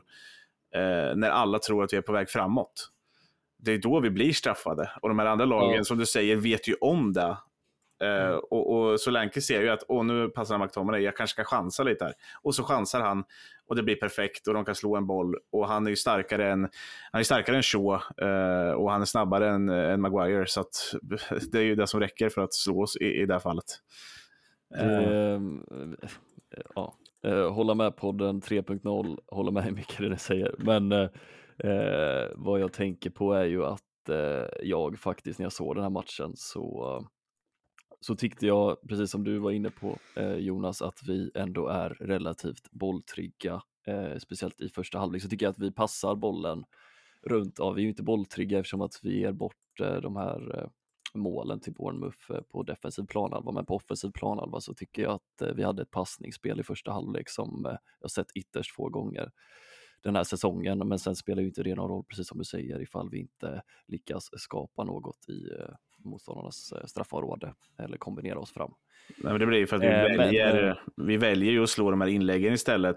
När, Ja. när vi väljer att spela Martial, då ska vi ju välja att spela det här kombinationsspelet som vi eh, har ibland. Och då får man ju spela med Bruno som väggar sig fram eller någonting sånt. Liksom, så här. Det, det är det man måste göra. Och då kan vi inte skicka ut det på kanten och stå och, och, slå inlägg. Liksom. Det, det, Nej, Eh, nej. Eh, Nej, och vad är tanken i sista tiden? Vad har vi för spelmönster? Hur ska vi ta oss fram i banan? Hur ska vi bygga upp vårt spel från målvakt och framåt? Eh, Jag ser inte riktigt de sakerna. Men jag, Sen jag är det så här, vilja... jag kan tycka att vi, visst, vi kan ha, vi har, vi har mycket boll i den här matchen, men jag tycker också att det är för att de låter oss ha ganska mycket boll. ja, Alltså de är inte missnöjda. De, Nej, är, de har de inga ju problem med att. United står och slår några passningar och håller bollen inom laget på mittplan. Mm. Men eh, jag, jag, det har ju varit matcher tidigare år när eh, United har haft mycket boll också där eh, passningarna har varit eh, sämre eh, skulle jag ändå vilja säga. Men eh, det, behöver inte fastna där utan jag tänkte att vi skulle ändå, för jag tyckte det var intressant det du sa innan Mikael med Martials rörelsemönster att han kan ju inte röra sig så som han ska som en nia i boxen som ska göra mål. Eh, men, men frågan är ju då ifall Rasmus Höjlund, han, eh, jag tänkte att vi skulle prata om, eh, om hans positionsspel, för han kommer ju också in mot Bournemouth, han får ändå nästan en halvlek på planen och det blir ju inte bättre. Vi hittar ju inte honom heller. Och så, det har ju varit lite av ett mönster de senaste matcherna. Eh, vad, är det hans positionsspel som är off eller är det lagkamraterna som är ukassa på att sätta honom i rätt lägen? Vi söker honom inte. Eh, jätteenkelt. Alltså kolla Dalot eh, när han skjuter i burgaveln eh, i det där läget. Den bollen ska in till Höjlund. Det finns inget annat. Alltså han måste slå in den till Höjlund. Höjlund är helt fri i straffområdet. Och han är ofta det. Och tittar vi, vi backar till Chelsea, det som jag sa förut. McTominay gör inte andra målet om inte Höjlund rör sig på rätt sätt. Jag har sett om vissa matcher så ibland och, och framförallt nu när Höjlund börjar titta lite på honom och han, han har ett väldigt bra rörelsemönster för att ta upp markering i straffområdet. Eh, och han har väldigt bra rörelsemönster när vi kommer ner på kanterna för att kunna få bollar. Men vi väljer fel bollar. Han slog ut händerna mot Garnacho i var det mot Chelsea, så här, när, vi, när, vi, när han skickar bollen högt, han bara, men slår den på backen här så gör jag mål. Mm. Eh, alltså så här, det, det, det, det är så simpelt, men vi är så dåliga på det där. Jag vet inte om det är att vi är ovana. Vi har inte haft den forwarden eh, på det sättet som, som gör det här som Höjlund gör. Men jag, jag, tyck, jag vill inte säga att det är hans fel. Sen är det såklart uruset av att han inte har gjort målen. Han har, har ändå haft lite lägen att kunna göra mål i Premier League. Eh, men ja, eh, jag känner spontant. Lagkamraterna måste höja Ja, sig. ja, faktiskt. Det, det är servicen här. Men det handlar lite om också att vi har, vi spelar ju med att vi ska ha yttrar som, som faktiskt går in och avslutar mycket. Och, och det är där vi hamnar. Att Garnacho går in och tar mycket avslut. Nu slår han ju en perfekt boll till McTominay mot Chelsea, men han tar väldigt mycket mer avslut än vad han passar. Eh, jag tycker han har utvecklat sitt spel lite och börjat passa mer. Eh, Anton är ju bara rätt dålig på att passa. Eh, och, och tydligen så... Ja, och Anthony har ju tydligen fått någon form av brassesjuka i det här United när det gäller att skjuta, för han kan ju fan inte träffa mål heller. Så att det, eh, Nej. Nej, men det är, det är som du säger Jonas, det, alltså, det betyder ju mycket att, alltså vilka spelar han med, så vilka typer av spelare. Eh, och de som är på kanterna oftast, det är ju Garnacho, det är Rashford, det är Anthony och ingen av dem är Ja, men Anthony har lite mer kreatör i sig, men han Ja. använder inte det och har inte fått ut så mycket av det. Men Rashford och Garnacho, de är, de är inga kreatörer. De gör inte många assist. De passar ganska sällan in till en eh, central anfallare och hittar luckor och sådana saker, utan de är, de är anfallare som, som gillar att avsluta, ta avslut själv och dribbla och ta ett avslut. Eh, så det är ju en sak där, att han, han har inte de spelarna runt omkring sig. Sen har han ju Bruno som är kreativ och så här, men vi skapar ju generellt inte jättemycket målchanser eh, överlag så här. Och sen har han ju hittat de här målen i Champions League, men inte i Premier League. Och det tror jag är ganska mycket slump egentligen. Eh, jag, tror, jag tror inte, om vi säger så här, jag tror ganska få United-supportrar är särskilt oroliga för Höjlund. För han kommer i ganska bra positioner, han bidrar i spel, han är ung och utvecklingsbar, han jobbar hårt. Men vi har bara inte ett fungerande anfallsspel just nu. Det är, vi, gör, vi har nästan sämst anfallsspel i hela Premier League. Det är egentligen bara, jag tror att det är tre, fyra lag som har gjort färre mål än United i ligan bara. Och visst, vi har missat lite och så, men vi har generellt ett ganska dåligt, dåligt anfallsspel och vi skapar inte så många målchanser och vi gör inte så många mål. Så det är klart, det bidrar också till att en ung eh, ny spelare inte har, har, har levererat i ligan. Ja, vi, eh, vi har väl minus eh, tre eller minus fyra i målskillnad i ligan och det säger ju ganska mycket. ja. Ehm, Ja, det gör det. Säger, det säger faktiskt mer än vad folk tror, tror jag. Säger väldigt Och mycket. då har vi släppt in ändå, vi ligger inte lång, vi ligger ganska högt upp i antal insläppta mål. Så att det säger väldigt mycket om hur lite mål vi har gjort framåt. Ja, det är väldigt, väldigt konstig säsong där vi också har, eh, vad är det, är det nio vinster och sju förluster nu. Det är inget oavgjort fortfarande. Roulette-spelet fortsätter. Ja, Roulette Ibland vinner vi, ibland förlorar vi. precis. Eh, och Jag tänker att eh, innan vi lämnar Bournemouth-matchen bakom oss och tittar framåt mot veckan och lite annat som har hänt så ska ni få beskriva matchen med en maträtt. För det ville Zigzag på Twitter att vi skulle göra. Tänkte säga Janssons frestelse. Det, det är ingen favorit. Fy fan. Lapsko, lapskojs. Vad är lapskojs? Lapskojs är typ ett mos med eh, typ salt, eh, inlagt fläsk i. eller något så här. Jag vet inte riktigt. Alltså, något sånt. Det är en, en maträtt i alla fall. Och det är bara eh, ja, det är mos med blandat kött i. Det, det låter inte så jäkla dumt faktiskt. Nej, det, det, det är helt okej, men det, det, det är ungefär sån tråkig maträtt. Så kändes den här matchen och det känns bara slafsigt. Liksom. Eh, det, det, det går ju inte att gå munter. Oavsett att jag försökte se någonting positivt så går det inte att vara munter efter en sån match. Så la, lapskojs blir mitt svar. Lapskojs och jag får nog, eh, kommer göra min eh, norrländska släkt besviken men jag får nog säga surströmming. Luktar illa och smakar inte så bra heller. Luktar illa, smakar illa. Eh, när jag såg frågan på Twitter så jag vet inte om ni har sett, eh, jag vet inte om eh, det är, vi är ju inte riktigt i samma generation, men om ni har sett det här klippet med Oliver Boy när han säger kattspya med bajs. ja, det har jag sett. Man, man dog på rasterna åt när man gick i årskurs sju. Och, eh, eh, men eh, Jag älskar att han vi, får eh, tid i våran podd. Oliver Boy. det ger mer, ger mer tid till Oliver Boy. Eh, men eh, vi ska ju faktiskt gå vidare mot något lite mer positivt eh, för i fredags så, så regnade det ju faktiskt ner priser på Carrington när Erik Ten Hag blev utsedd till månadens tränare i Premier League, Harry Maguire eh, blev utsedd till månadens spelare och såklart Alejandro Garnacho fick ju, eh, han vann ju månadens mål i Premier League. Eh, tyckte ni att de här priserna var rättvisa? alltså Garnachos är väl eh, solklar. Det, det, den kommer ju vara en contender till,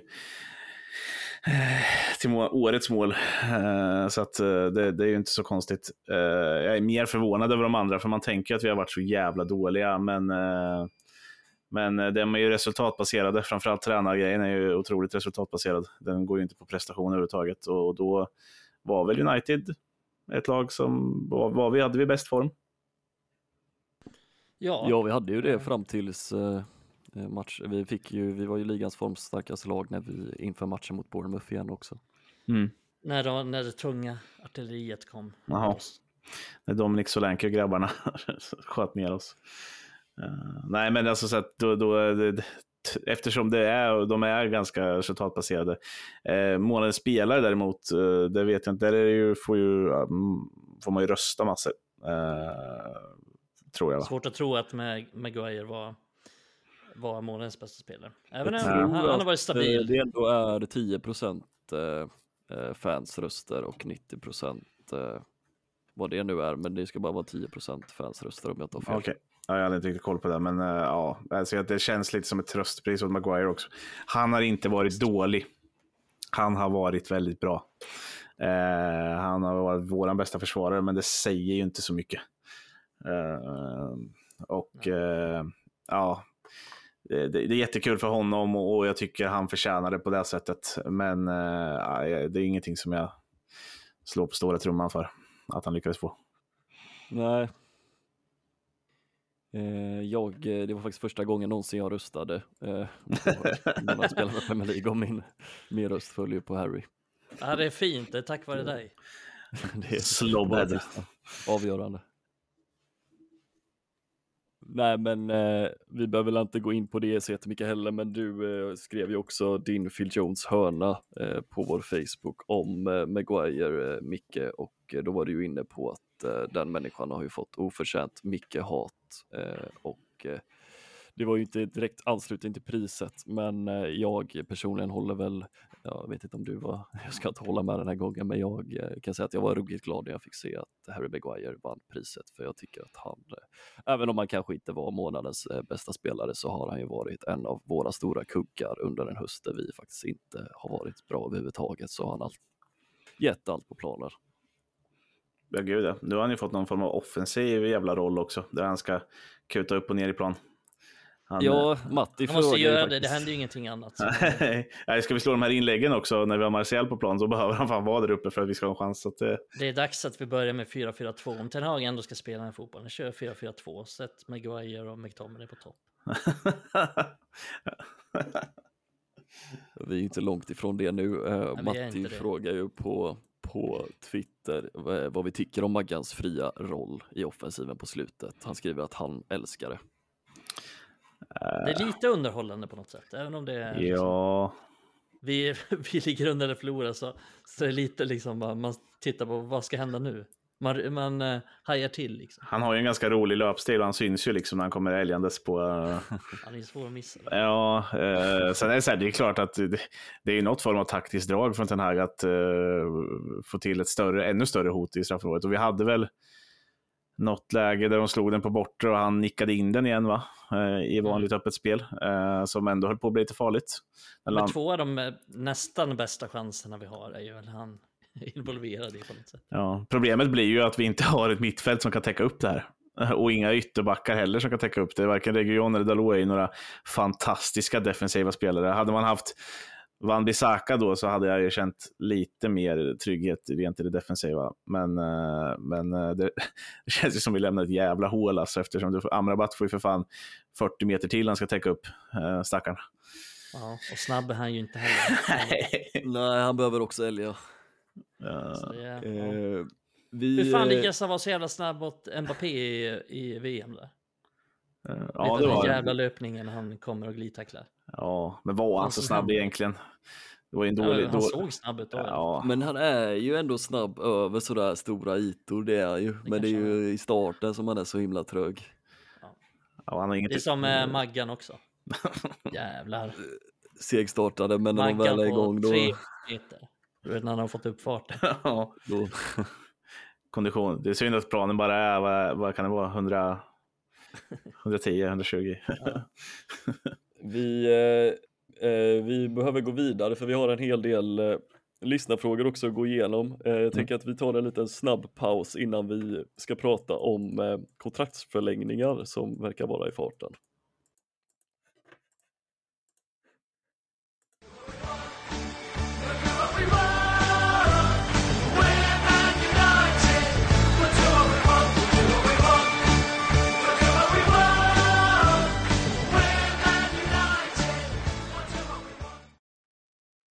Ja, och efter denna paus så ska vi ju prata om kontraktsförlängningar och eh, idag så kom ju nyheten om att Anthony Martial antagligen inte kommer få ett nytt kontrakt.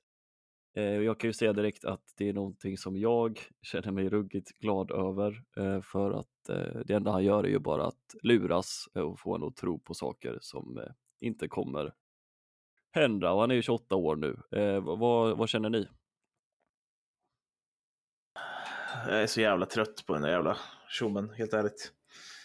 alltså det finns nog, ing, finns nog ingen spelare jag är så trött på uh, att överhuvudtaget ens tänka på som, uh, som Anthony Martial.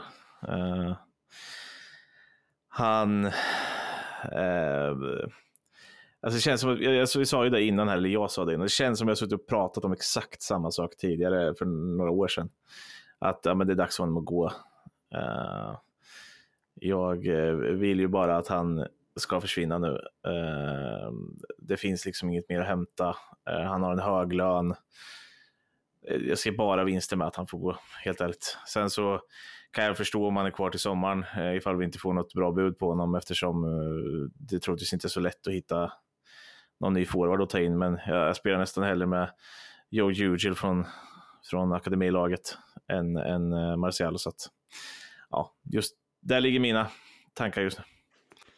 Ja, men det gör nästan jag heller, men ja, alltså de här senaste åren två åren eller vad det blir nu så har han ju varit...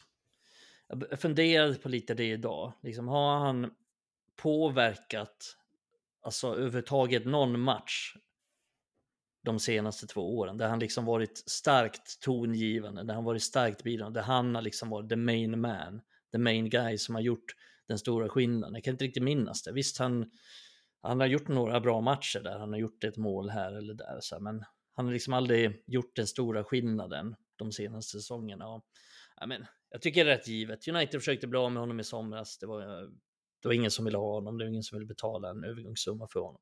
United har lånat ut honom tidigare och jag tycker det är, det är mycket snack om det här, men det är, det är, liksom, det är ganska givet vad, vad, vad utkommet är egentligen. Att han kommer inte bli kvar i klubben, han kommer släppas när kontraktet går ut. Eh, och det tror jag alla är ganska överens om är, är rätt sak att göra, eller de flesta i alla fall. Då. liksom inte så mycket att orda om tycker jag. Nej, vi verkar vara överens, överens om att Martial, eh, det är dags att, eh, att skeppa honom eftersom att, att han inte har fått så mycket uträttat här i United de senaste åren eller under de här, vad är det nu, åtta, nio åren. Ja, Eh, sen kan jag tycka det är ganska mycket, nu ska jag spinna vidare på det, men det är ganska mycket ältande kring det här. Liksom, va, hur fan kan han vara kvar? Liksom, hur fan är? Men alltså, vi alla vet ju varför han är kvar. För att Ed Woodward gav honom ett långt kontrakt. United har försökt bli av med honom de senaste åren, de inte kunnat det. finns ingenting att göra, låt hans kontrakt gå ut. Och det är det United gör. Så det finns liksom inte så... Jag tycker många håller på och tjatar om det här. Bara, hur kan han vara kvar? Ja, men vi vet varför han är kvar. Han fick ett långt kontrakt och vi kan inte bara bryta det kontraktet. Och ingen vill köpa honom. That's it.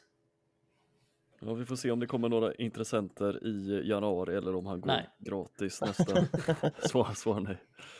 Ja, men det är Eller väl om går- Saudi-klubb kanske kommer in. Men nej, jag tror inte.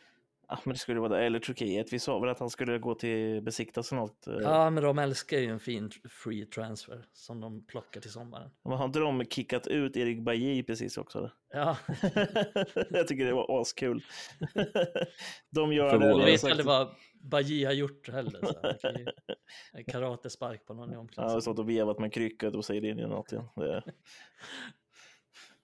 Ja, eh, Jag hade velat se om det, det hade blivit en sån här dokumentär om United, lite Erik Baji bakom kulissen. ja. hade inte han en ganska bra kompisrelation med eh, Zlatan? Eller minns jag fel? ja, ja, kanske. De, var, de hade ju någon sån här halvskoj grej där de Ja. typ slog varandra eller han försökte hoppa på Zlatan. Så jag vet inte. Pogba var med på något hörn också. Ja, visst. Ja. Jävlar vilka lallare. Då har vi inte nämnt Lingard. Men eh, vi ska också eh, nämna det att eh, Fambisaka, det är ju lite frågetecken kring hans framtid också och eh, det, är även, eh, det diskuteras ju även kontraktsförlängningar för Lindelöf och Hannibal och eh, eh, även Region var inblandad där ifall vi skulle förlänga lånet eller inte. Eh, hur, hur ser ni på dessa spelares framtid i United? Jag tycker det vore synd att släppa Wan-Bissaka på free transfer. Alltså typ det är det som känns. Det känns ändå som man borde kunna vinna ut lite pengar där. Eh, Region, är inte han eh, bara lånad nu till januari eller? Eller var det att vi kunde bryta i januari om vi ville? Ja, alltså kan både. United och, och Spurs kan bryta i januari. Ja, så var det. Så Ja. det är väl lite oklart vad som händer där. Eh, Men om jag fastnar vid Wan-Bissaka så, så tycker jag ändå... Alltså, någonstans så fastnar jag vid det du sa förut, Micke, att, att jag, jag tycker inte han bidrar till ett spel som jag vill att United ska spela. Sen så har han varit eh, ganska bra ändå, tycker jag, sista tiden och slutet av förra året. Han har gjort, eh, han har gjort de här bra prestationerna rent defensivt och tycker han har utvecklat sin offensiv.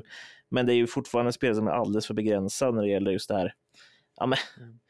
passningsspel och sånt och, och kunna luckra upp försvar som står lite lägre. Då har vi ju inte jättemycket nytta av de där jävla...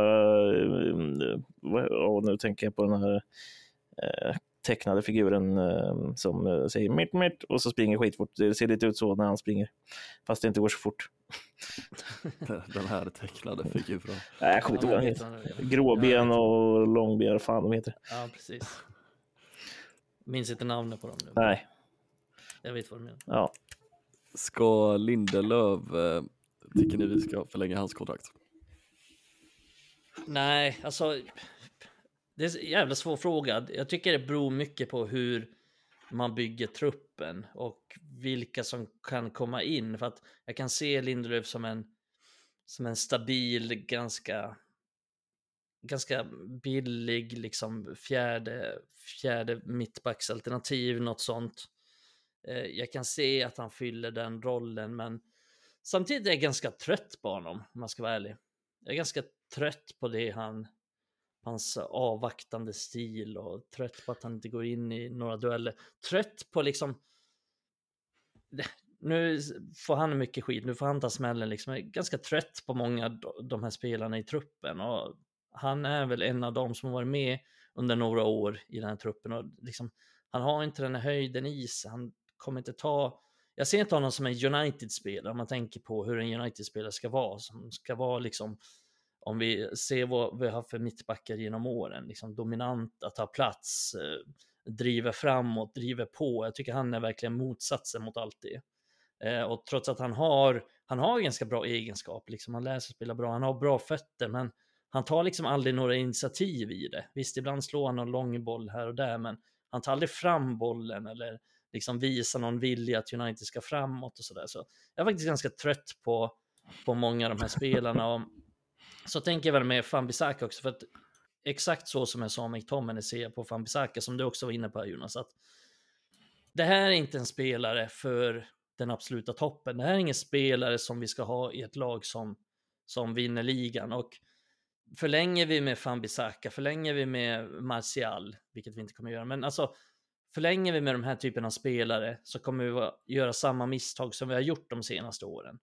Då har vi gjort, gjort de här förlängningarna med spelare som inte tar oss någonstans egentligen. Så jag, jag tycker faktiskt, ja det är väl Hannibal i så fall som vi skulle kunna eh, erbjuda ett nytt kontrakt, men det är också för att han har lite försäljningspotential. Men jag kan ändå hålla med Jonas där också att vi borde nog trigga den här eh, optionen på, på ett ytterligare år på Fambisaka så att vi inte tappar honom gratis. Men jag tycker inte att vi ska ge liksom ett nytt treårskontrakt till Fambisaka. Och jag tycker inte vi ska ge det till Lindelöf eller till Reguljon heller eller till uh, Martial. Så att jag är ganska okej okay med, att, mm, med att vi släpper alla dem. Men det, Hannibal vill jag inte riktigt ge upp på än. Uh, Nej, den tycker jag vi ska trigga ganska direkt för att kunna skriva ja, ett längre kontrakt. Det kommer de göra också tror jag. United kommer trigga den, men sen är frågan också om vi ska ge honom ett nytt kontrakt, för han har inte så hög lön eller sådär.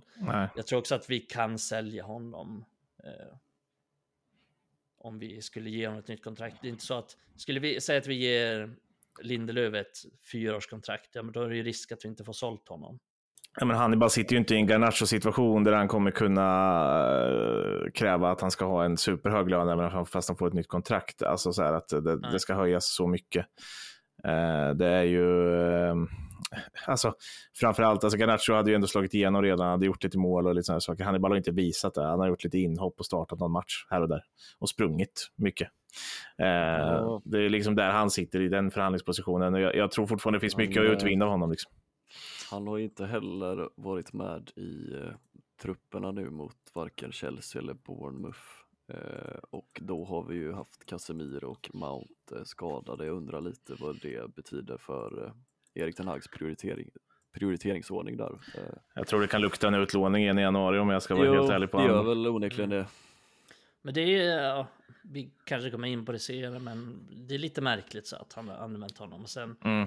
gjort ganska bra ifrån sig, men sen jag minns att han var bra i någon match där, sen helt plötsligt var han bänkad i flera matcher i rad och sen borta ur truppen. Och samma med, med Kobe Maino egentligen, att han var väldigt bra mot Everton där, sen gick det väl inte jättebra mot Newcastle, men jag tyckte ändå att han var okej okay i den matchen och att han Ja, det var ju en svår roll för honom, men sen helt plötsligt så får inte han heller spela. Liksom, lite märkligt hur han håller på där. Eh, med, med de spelarna. Ja, men komma in i det. Speciellt märkligt när det ändå var ganska tydligt. Jag vet inte om eh, att spela Maino ifall det hade varit skillnaden på, på oavgjort eller förlust. Jag tror kanske inte det, men eh, så som Bournemouth spelar och så som de eh, pressade United så, så hade ju han kunnat förändra det, hur matchbilden blev ifall han fick starta. Så jag håller med dig om att det är konstigt att vi inte har fått se honom sedan dess. Eh, Sen, eh, Newcastle-matchen. Ja, hade man spelat mig nu mot just Bournemouth i, i McTominay-rollen, om man säger då, eh, så hade vi haft en spelare, så för att nu, nu, har jag inte sett alls lika mycket ungdomsfotboll som uh, Micke, men jag har sett Kobe Maino en del och jag har sett hyfsat mycket utav akademilaget i alla fall. Eh, och, och han, han, är ju duktig även offensivt. Nu har vi sett honom mest i en ganska djup eh, position där han inte har kommit upp jättemycket. Eh, men han är ju duktig utanför straffområdet och sådär också och är ganska farlig där med. Och, och där hade han ju bidragit med så mycket mer än till exempel McTominay i den matchen. Eh, även om, säg, säg, att det hade blivit, jag säger inte att det hade blivit skillnad om vi inte hade förlorat, men det hade åtminstone varit skillnad för Uniteds chanser att göra någonting. Ja, det säger någonting om Erik Ten Hags eh, fotbollsfilosofi, vem han väljer i de matcherna. Eh, för McTominay och Maino är två helt olika spelare och Maino är en sån som bidrar till att laget kontrollerar matcher, till att laget bibehåller bollen, har bollinnehav, kan bibehålla ett tryck framåt. McTominay är en sån som inte bidrar i spelet men kanske skulle kunna eh, göra ett slumpmål om bollen dimper ner av en slump i straffområdet. Lite som, som det hände mot Chelsea där bollen råkade dimpa ner, lite som det hände mot Brentford, bollen råkade dimpa ner. Så att säger mycket om eh, Ten Hags fotbollsfilosofi. Och det är också, tror, jag tror inte till exempel så är Arteta eller Pep som kanske de två bästa tränarna i, i ligan just nu eh, mm. skulle spelat McTominay före Maino så att tolka det hur ni vill.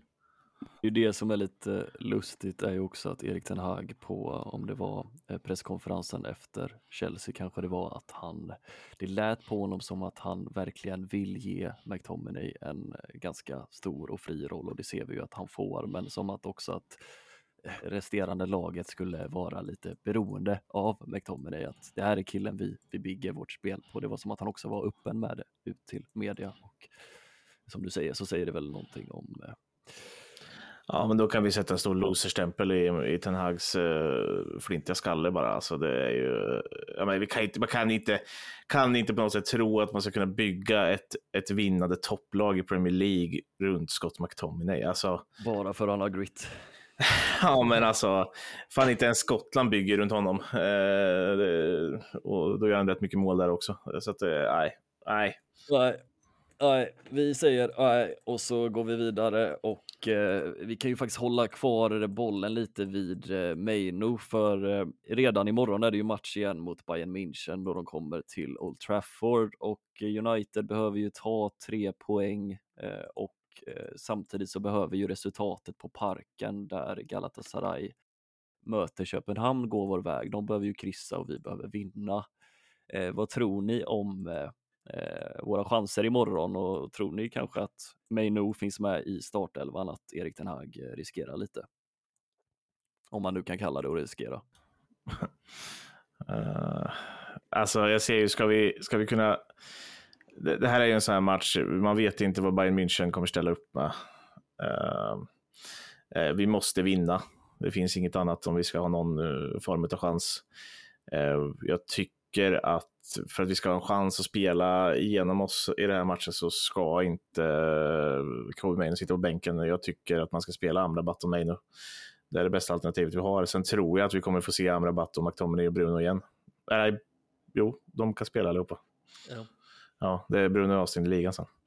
Så, uh, så att... Uh, ja, är, det, det, är liksom så här, jag, jag tror att det kommer vara så, men jag hoppas att Eh, spela den här matchen. Jag tror att han är, verkar inte vara den personen som blir asstressad av att eh, det skulle vara en, en stor match mot Bayern München. Liksom. Uh, så att... Nej. Mm.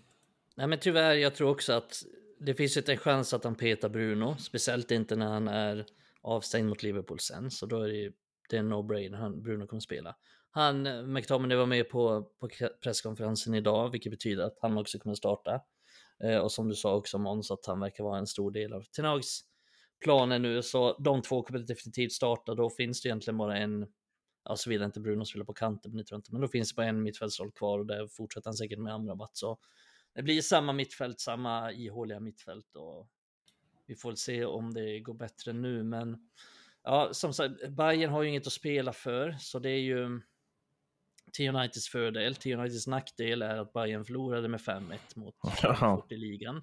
Vilket gör att skulle de förlora den här matchen så oavsett om det är en oviktig match för dem så kommer Tuchel få extremt mycket kritik. Eh, jag skulle inte säga att han kan få sparken, men det skulle fan inte vara långt ifrån om han, han skulle förlora det här med typ 3-0. Eh, för så hårda kan de vara. Eh, definitivt extremt mycket kritik efter 5-1 mot Frankfurt. Det är nästan sparkningsläge bara för den, den förlusten där. Eh, plus att han inte direkt har suttit säkert innan heller. Eh, så jag tror att Bayern kommer att vara väldigt taggade tyvärr och hade de vunnit hemma mot Frankfurt då kan jag tänka mig att ja, men då hade de kunnat ta en förlust här och de hade inte brytt sig så himla mycket men nu kommer det vara mycket viktigare för dem så det var egentligen det sämsta som kunde hända för United.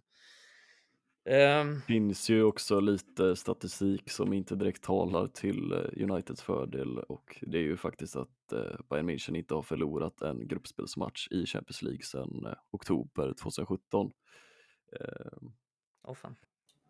Mm. Det, alltså, så... det enda som kan ge en fördel till att vi kanske inte får se det här mittfältet vi har sett, eh, det är ju att som sagt Bruno är avstängd mot Liverpool. Han skulle kunna utnyttja Bruno från en kant istället mot Bayern München. Eh, jag tror inte det, men det skulle kunna vara så för att han vill spela ett mittfält som kommer spela mot Liverpool sen.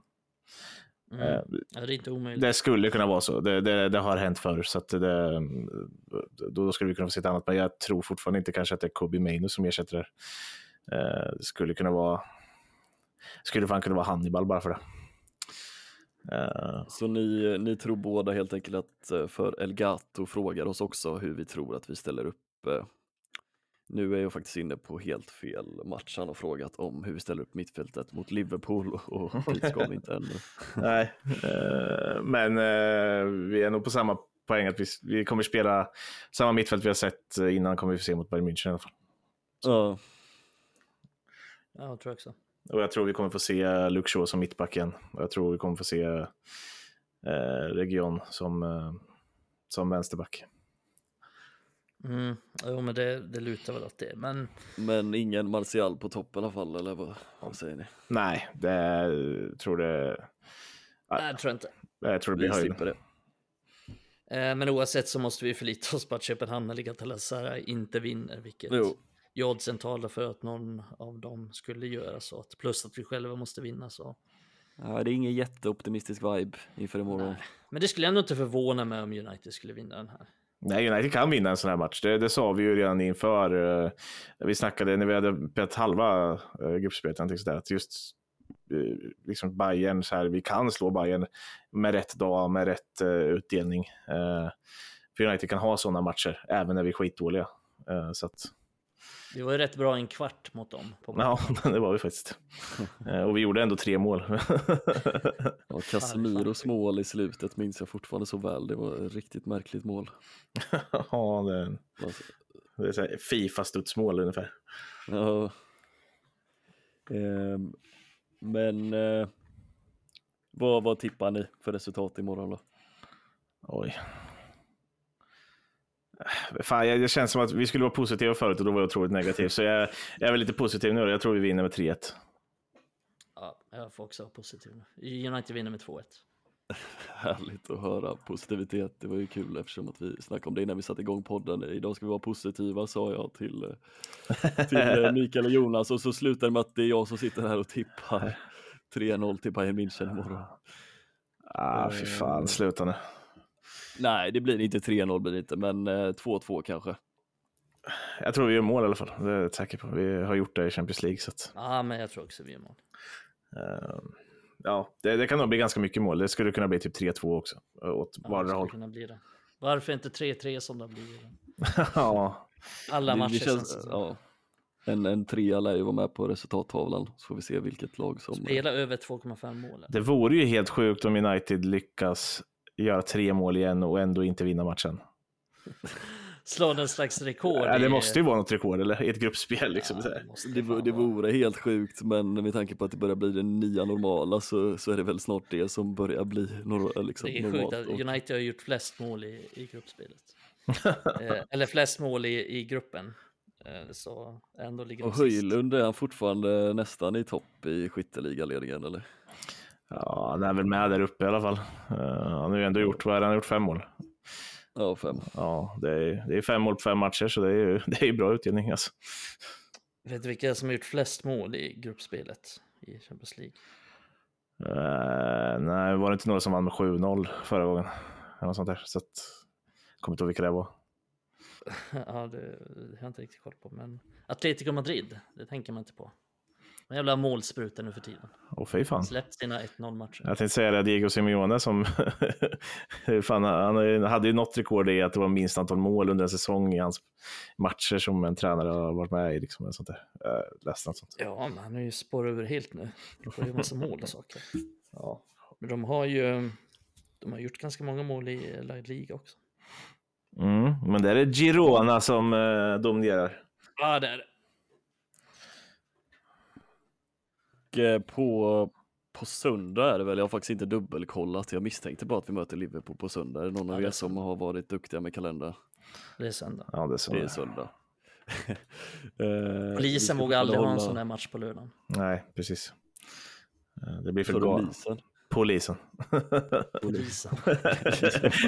Lisen. Lisen.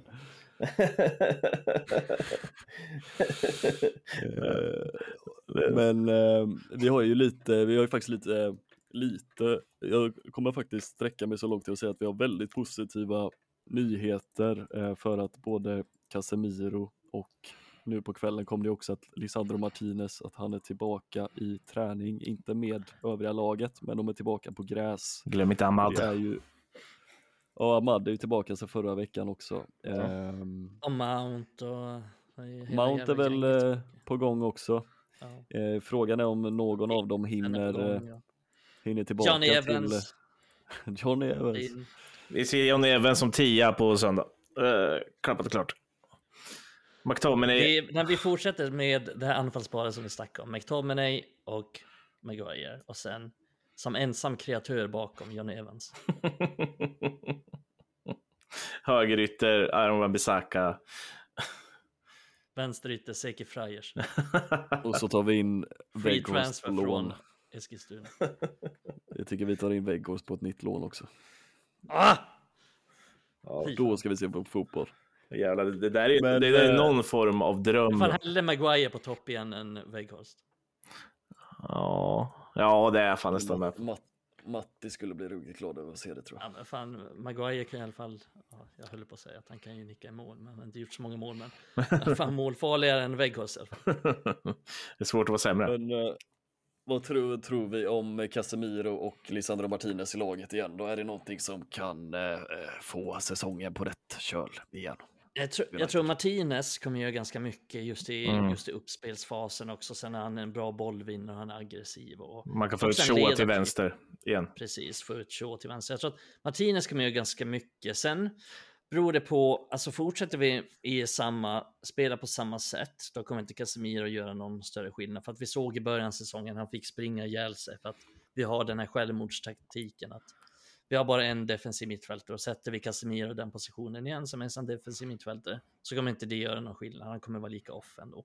Men skulle vi ändra och spela lite mer få ett lite mer balanserat mittfält, lite mer defensivt och ha Casemiro bredvid Amrabat eller Casemiro bredvid Kobe Maino till exempel, ja men då tror jag han skulle kunna göra mycket, mycket, mycket mer nytta och kunna vara ett ganska bra tillskott. Men fortsätter vi spela som vi, som vi har gjort så kommer han inte göra någon skillnad. Nej. Mm.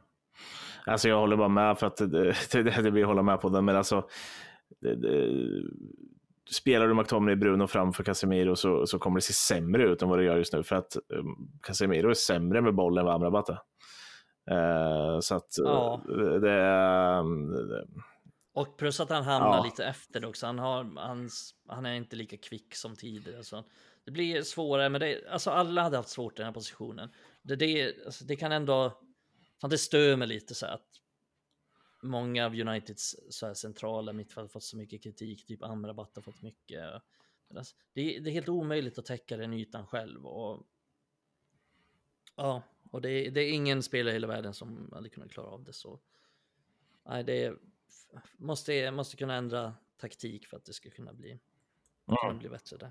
Ja, det är inte den mest tacksamma uppgiften att få det ansvaret. Eh, Jag tänkte bara, eh, så vi, eh, vi har svarat på Elgatos fråga där hur vi ska ställa upp mittfältet mot Liverpool, eller, eller inte det, har jag minnesförluster? Ja, Nej. det har vi inte svarat på. Eh, För mot Liverpool så är Bruno avstängd, så då, då måste han göra förändringar. För att han hade ju såklart startat Bruno, men jag, jag, hoppas att, eh, att Maino spelar med Amrabat då, som sittande är med defensiv uppställning. Jag vet inte om Mount är redo att starta men annars hade jag sett, gärna sett honom som tia framför och då får vi en ganska stabil grund centralt. Mm. Uh, jag vet inte fan alltså annars vad jag har för alternativ, för jag vill inte se McTominay i den matchen. Jag tror inte att det passar honom, jag tror inte han gör så mycket nytta i den matchen. Ja, det, kanske hellre sett Hannibals arbetskapacitet och energi och springa av sig då, sen kanske göra något byte när han har blivit trött eller så. Men mm. alltså, jag vet inte, jag har inga bra, inga jätteklockrena alternativ till den matchen, för ja, vi kommer få det tufft. Ja, vi har ju, alltså vi har ju varit, även i våra bästa dagar, haft det tufft på Anfield, så att det, det är inte mycket som talar, talar gott för den här matchen. Men, eh... men det kan ju inte gå sämre än eh, i, i mars. Eller? Alltså håll käften nu. alltså, ja. det, det, det, finns en sån, jag, var, jag var inne på forumet Red Café. Eh, och då hade de en diskussion så här, skulle ni ta en 4-0 förlust mot Liverpool på förhand? liksom så här, bara välja en 4-0 förlust. Och de flesta bara, ja.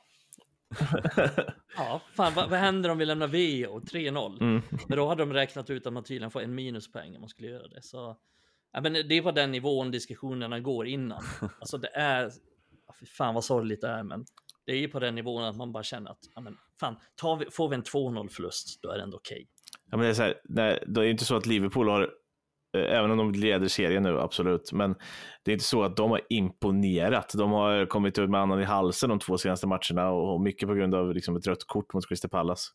Eller, och, och, och lite sådär, så att det det, är inte så att de har, de, men jag, jag, jag, tror ju bara att vi, eftersom vi bjuder på så mycket eh, omställningar och det är fortfarande ett av världens absolut bästa omställningslag så mm. eh, ja, nej, det, det kommer. De är ju de värsta att möta eh, när man håller på med bolltapp så här, som jag inte håller på med. Då är ju de liksom världens bästa lag i princip för att de är det lag som straffar en mest. Eh, mm. Eh, vilket vi såg då i mars när vi förlorade med ja, den onämnbara matchen. Eh, sen är ju de också ett sånt lag, alltså det passar oss ganska dåligt, de är väldigt aggressiva och ger inte oss någon tid och vi har väldigt, väldigt svårt mot dem och sen har ju de, alltså de har ju egentligen, ja, City också kanske, men alltså de har ju ligans bästa offensiv, men sen har ju Liverpool eh, ganska mycket svagheter bakåt, alltså de spelar inget bra försvarsspel, de har ingen defensiv mittfältare.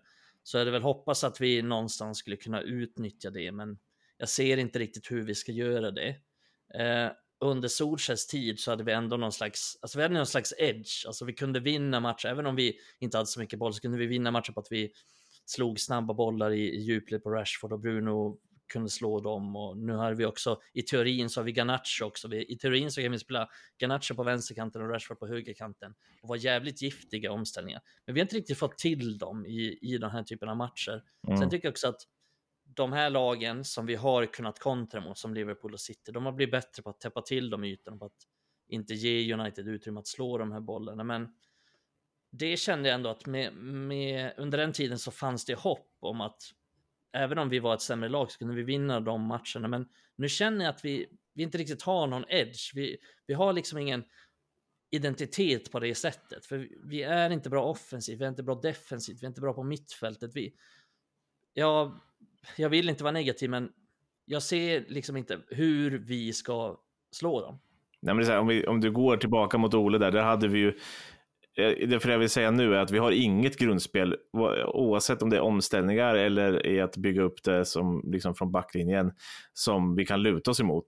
När vi, när vi hade Ole så hade vi ett, ett, ett uttänkt spel i omställningsspelet. Alltså så här, hur det var tänkt att vi skulle göra och då kunde vi straffa lag hela tiden.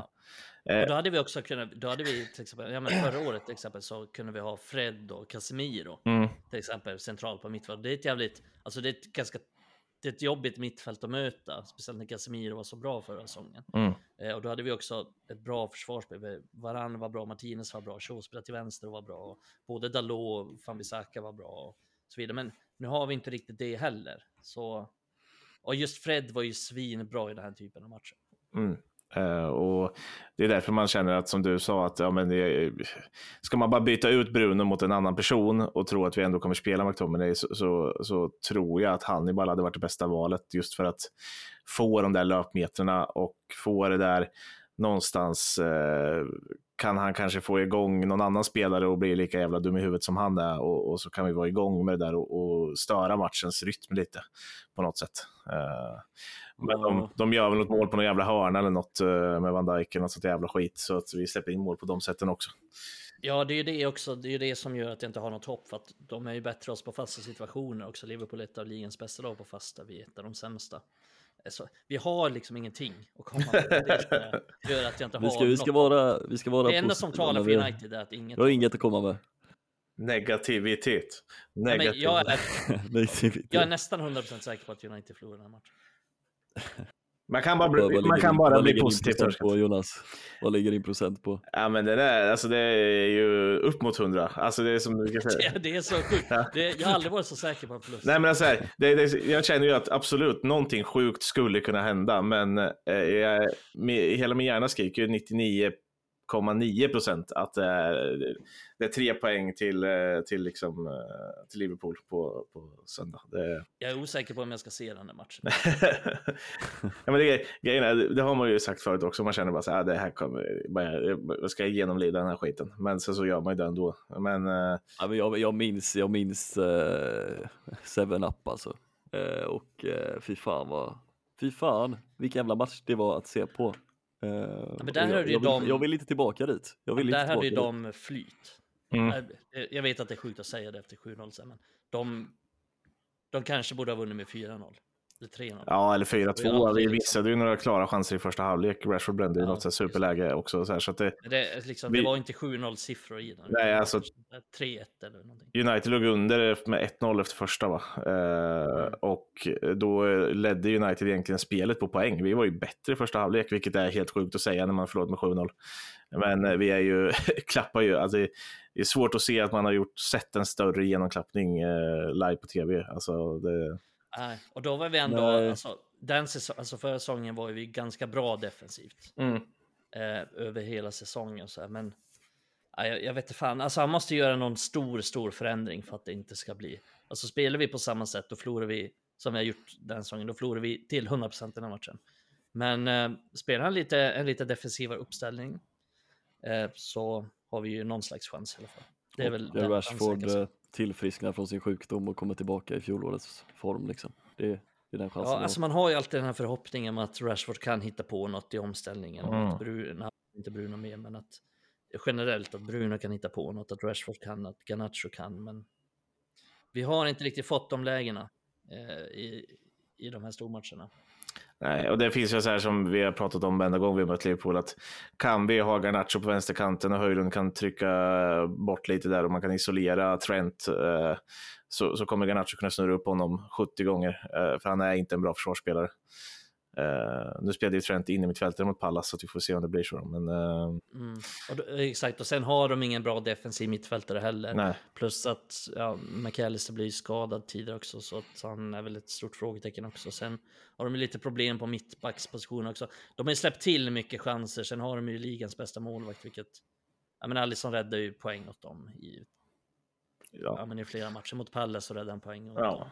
Till exempel. Så att de har ju, de vinner ju mycket på att han gör avgörande saker också, så att de har inte spelat ett så bra försvarsspel. De är ju ett av de lagen tillsammans med United och Luton tror jag som har överpresterat mest sett i XG och försvarsspel. Liksom Mm. De egentligen skulle ha släppt in väldigt mycket fler mål än vad de har gjort. Ehm, så det är väl vår chans att vi någonstans lyckas utnyttja deras hål på mittfältet, för de har ingen bra defensiv mittfältare och kommer rätt vända mot deras försvarare. Men vet, alltså, vi, vi har inte hittat de luckorna och med Bruno borta så vet jag inte heller vem som ska hitta de luckorna för att McTominay är inte den spelaren. Jag kan säga så här, att jag kan nästan stänga det här med att även om vi skulle råka leda med 3-0 i halvtid, för att vi har lyckats ställa om och uh, såra deras ganska dåliga försvar, eh, så tror jag ändå att vi förlorar matchen. Så, så mycket tror jag på United. vi skulle få Ja. sånt här handikapp och börja med 3-0 i paus. Så tror jag ändå att det hade blivit ja, jävla nerv i matchen. Alltså. Jag tror i alla fall att vi, vi, vi vinner eh, 1-0. Fy fan vad...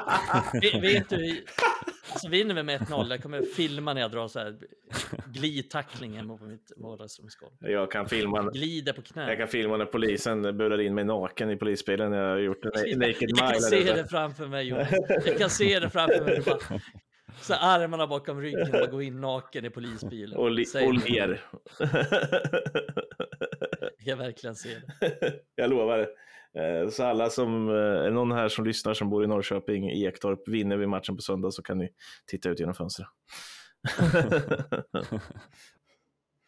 Jag är inget Eh, med dumt det- Jonas, du bor ju på typ 12 våningen. Fjortonde. Jonas, du får lova att ta det lugnt. Ja, okej. Jag, ska, alltså jag ska inte hoppa eller någonting sådär, men jag springer väl ner först och sen ut. eller så repellerar jag mig naken ner för huset. Kanske ska bygga upp något sånt. Spänningen är i alla fall olidlig hur, hur det där slutar. Ja, vi får se. Men vi, eh, vi ska lämna snacket om Liverpool där. Vi ska faktiskt lyssna på vad Scott McTominay hade att säga på dagens presskonferens. Då han fick en fråga som handlade lite om varför så många tränare har kommit och gått i United de senaste åren eh, och vad som är spelarnas respektive tränares ansvar. Eh, och då svarade han eh, så här. It's the players' responsibility, first and foremost. Um, players know that as well. We've had many amazing players over the time, and I feel like now we're at a stage where we've got big characters in the dressing room where it's not just a case of like the, some of the other managers where it's been a little bit toxic at times. The the boys are firmly behind the manager, and that's that's the be all and end all. I've said that in many other interviews, and that's the, the way it will remain to stay. We've got amazing coaching staff as well, so yeah, people can get lost in translation and get carried away with what the players think and what they say behind closed doors. We just want to do well for the football club, and that's as simple as that. McTominay säger alltså att grabbarna står enade bakom Erik Ten Hag och vad jag funderar på när jag hör det är ju ifall det här är McTominays egna ord för att han är väldigt sugen på att få fortsätta starta fotbollsmatcher. Vad tror ni? Ja, klart fan det där. Eller alltså, han ser ju sin chans i livet här nu att han ska bli en spelare som han någon bygger laget runt eller jag vet inte, alltså det var det sjukaste jag hört men nej, alltså vad ska han svara då? Eller är jag ute och cyklar? Han måste ju typ svara här. Ja, det, det måste han väl, men samtidigt så... Jag ju svårt att se att McTominay skulle vara så missnöjd. Nej, han är ju inte missnöjd. Nej. Eh, och det, alltså kritiken är ju, eller det är alltid så här att det som kommer upp nu så här, att ja men, ja de här spelarna, de sparkar alla tränare, men om vi ser till vilka som har varit här, liksom, vi har ju bytt ut så jävla många, vi, vi har ju faktiskt, jag tror vi har värvat, jag kollade upp det tidigare idag, men jag räknade rätt, jag räknar inte slarvigt, så har vi värvat 63 spelare sen, sen Ferguson slutade. Och det är ju inte så rimligt att tro att alla de här 63 spelarna är virus och, som gör att alla de här 63 spelarna har gjort så att tränare tappar omklädningsrummet. Eh, och det är svårt att säga att alla de här kan vara lata eller ha dålig attityd. Det, det, det är orimligt helt enkelt. Så det måste vara något annat och det måste vara någon annan gemensam nämnare. Och, eh, om vi ser till de som varit i klubben länge, eller jag som har varit med de senaste fem åren, så är det egentligen bara Shaw, Lindelöf, McTominay, Martial och Rashford. Eh, och jag kan inte riktigt se att någon av de fem liksom har varit drivande i att ja, men få ut massa tränare ur klubben. För att alla de här fem är ju kvar av en anledning också. Och det är att de har fått ganska, spela ganska mycket under alla tränare. Ja, det är väl Mourinho som Shaw inte gillade, men, men i övrigt så har ju liksom Rashford och, och Lindelöf och McTominay och alla de har ju spelat väldigt mycket under de senaste tränarna. Så jag, jag vet inte riktigt vem som ska vara det här viruset. Det var mycket snack om att vi hade så mycket virus i truppen och sen försvann Pogba och Lingard som folk anklagade för att vara virus. Men de här sakerna fortsätter att hända så. Uh, lite svårt att säga, men Ja, det som jag All- tänker liksom är det gemensamma, det är väl att ah, vi har byggt väldigt många dåliga trupper. Vi har byggt, vi har värvat himla, himla, himla dåligt under alla år egentligen. Så att Eh, och det, sen hjälper det inte tror jag att vi har, vi ställer upp laget. Jag är ju väldigt oimponerad av Ten Hags taktiska, eh, taktiska upplägg den här säsongen. Jag var inte så imponerad av Solskjaers taktiska upplägg, inte av Mourinhos och så vidare och så vidare. Så det är väl klart att det finns en, eh, det finns någonting där som gör att vi inte lyckas också, men det är liksom inte bara ett fel att vi har en dålig tränare eller att vi har dåliga spelare, utan vi, det är genomgående i klubben att alla de här sakerna inte har fungerat. Vi har inte lyckats bygga några bra trupper, vi har inte lyckats bygga någon enhetlighet eller någon, någon, trupps, någon trupp egentligen som har fungerat bra. Eh, så det är klart att det kommer upp alla de här sakerna hela tiden när det, blir, när det går dåligt, men det är alltid svårt att säga vad som är sant och vad som inte är sant. För vi vet inte riktigt det. Jag får inte någon känsla i alla fall om att det är så dålig stämning just nu. Får ni det? Nej, Nej men det är klart som du säger att det beror på många eh, faktorer. Eh, vi, vi hade ju en eh, lyssnarfråga från Julia och det var lite en av anledningarna till att vi tog upp det här klippet med McTominay. Hon frågar ju eh, vilka spelare som vi tror kan tänkas vara bidragande till att tränaren eh, håller på att tappa omklädningsrummet. Eh, och det är ju, det blir ju lite av att spekulera. Mm. Jag vet inte om du har lust att bara dra ett namn ur, ur sockan, Jonas? Ehm, Spontant så bara, den här grabben är det. Nej, Alltså, nej men, men, men Micke nämnde de här. Jag tror ju liksom inte att Luke Shaw är där. Jag tror inte att, definitivt inte Lindelöf är där. Han är för mesig för det. Eh, ja, men alltså, det är svårt att se det. eh, ja, men det är svårt att se det. Men alltså, i så fall, så med tanke på hur, hur, hur Rashford är just nu så skulle det väl vara, om det skulle vara någon av de här som vi, vi nämnde, för det bör ju vara de eftersom de är de enda som har varit med liksom rakt igenom, eh, så är det väl han. Sen så är det ju liksom, Eh, Tittar man på Ten Hag så har han fått eh, ta strider med Ronaldo, han har fått ta strider med Sancho nu också. Så, här, så det, det underlättar ju inte. Varann kanske. Ja, Varann till viss del, men jag tror inte att det är så mycket. Jag tror bara han är petad. Jag tror inte Varann säger så mycket. Helt ärligt, det känns Nej, inte som det. inte. Eh, det, det är känslan i alla fall. Eh, så att, Mm. Jag tror att nu, ja visst Rashford tycker nog inte om att vara petad, men han har bara varit utanför några matcher. Sancho har han väl en ständig eh, strid med här nu liksom, och det är ju inte bra såklart. Eh, men jag tror inte, Sancho är inte med heller. nej, liksom. jag tror inte det på, Han är inte med och tränar. Nej, jag tror inte det påverkar så mycket, så jag tror inte stämningen just nu är så jävla dålig, utan anledningen till att jag skulle kunna se att Ten Hag blir skadad, eller skadad, blir kickad, eh, eh, att han blir Bara kickad. en parfymflaska på foten. Ja, precis. Det, det hade ju varit i så fall att på grund av dålig prestation. Att liksom, det, det, det är så mycket felval och hade han varit Bayern München-tränare nu och, och, och presterat på det här sättet, eh, liksom så här, eh, och, och valt så fel, så uppenbart fel. Alltså det är så många fotbollskunniga människor som ser att han gör så många fel som mot Bournemouth, han gör de här felvalen med, mm, som man inte kan se varför han gör. Då är det på grund av det han blir sparkad. Liksom.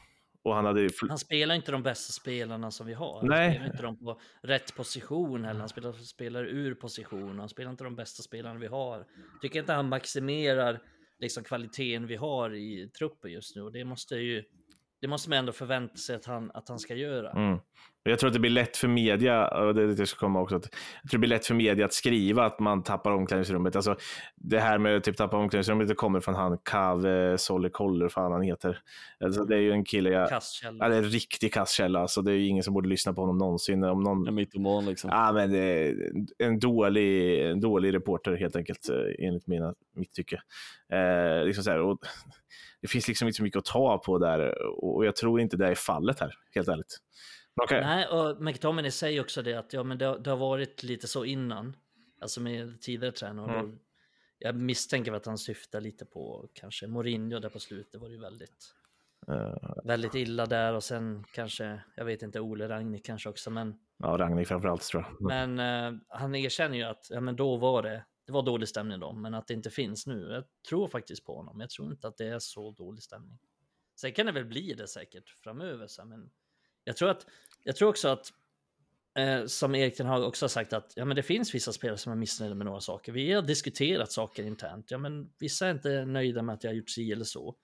Eh, och det tycker jag ändå man får ta, alltså man får ta den diskussionen, man får ta att spelare har åsikter, att de inte är nöjda med allting så. Men jag, jag, tror inte att det är något stort så här jättestort missnöje och att spelare vägrar göra det eller det, utan jag tror bara att eh, jag tror inte det är så dålig stämning. Nej. Nej, eh, ja, det, det, skulle väl vara schysst ifall det fanns någon typ av mätverktyg som man kunde smussla in på, på Carrington eller Trafford som mätte, mätte stämningen. Gud vad man skulle vilja vara en fluga på väggen. Nej, men liksom, det, det är så här, Sancho Sancho är ju ett uppenbart, eh, en uppenbar sur, surkälla och viruskälla just nu. Men, men som sagt, han är inte inblandad så mycket. Eh, och är det någon som skulle vara sur för det här, då, då skulle det väl vara Rashford. Och det är det enda de kan komma fram till, att han spelar dåligt för att eh, Sancho är petad. Ja, men det, det är ju en ganska uppenbar take att ta. Liksom så här, det är ju inte konstigt jo. att en media har skrivit det. Alltså, nej. nej. Eh, och vi får nog, eh, vi har ju några lyssnarfrågor till att gå igenom och eh, sanningen är ju den att vi tyvärr inte idag heller kommer hinna gå igenom alla för att det har varit så mycket på tapeten men det är ju superkul att ni eh, som lyssnar kommer med frågor. Ni får jättegärna fortsätta med det eh, varje vecka. Vi tar upp så många vi kan. Jag tänker att vi, vi, ska, vi har fått frågor från både Max Peck och Bengt Epperlein som rör lite samma sak. De vill att vi ska diskutera eh, tålamodet med en tränare som förra året såg som frälsaren och nu vill alla sparka honom. Och eh, vad är det egentligen som talar för att en ny tränare kommer lyckas bättre än vad Erik gör? Ja, um, alltså det jag tänker, en ny tränare kan lyckas bättre om tränaren är bättre än Tenag och framförallt är tydligare i vad den tränaren vill göra rent fotbollsfilosofiskt. Eh, om vi leker med tanken att vi har De Serbi så har han så är han extremt tydlig i hur han vill spela. Eh, och han kommer spela på samma sätt oavsett vilka han har i truppen. Så för att, för att få en enhetlighet i truppen så måste man jobba så tror jag. Och inte jobba efter att anpassa vilka som spelar just den dagen. Det kommer bara leda till, till förvirring för spelarna. Sen måste ju Sen måste United som klubb jobba med strukturen och den enskilt största anledningen till varför det går dåligt, eller gått dåligt det senaste decenniet, det är ju för att United inte haft en röd tråd högst upp i organisationen. Eh, frågor som hur vi ska spela och vilka tränare och spelare vi ska ta in därefter har inte funnits. Nej.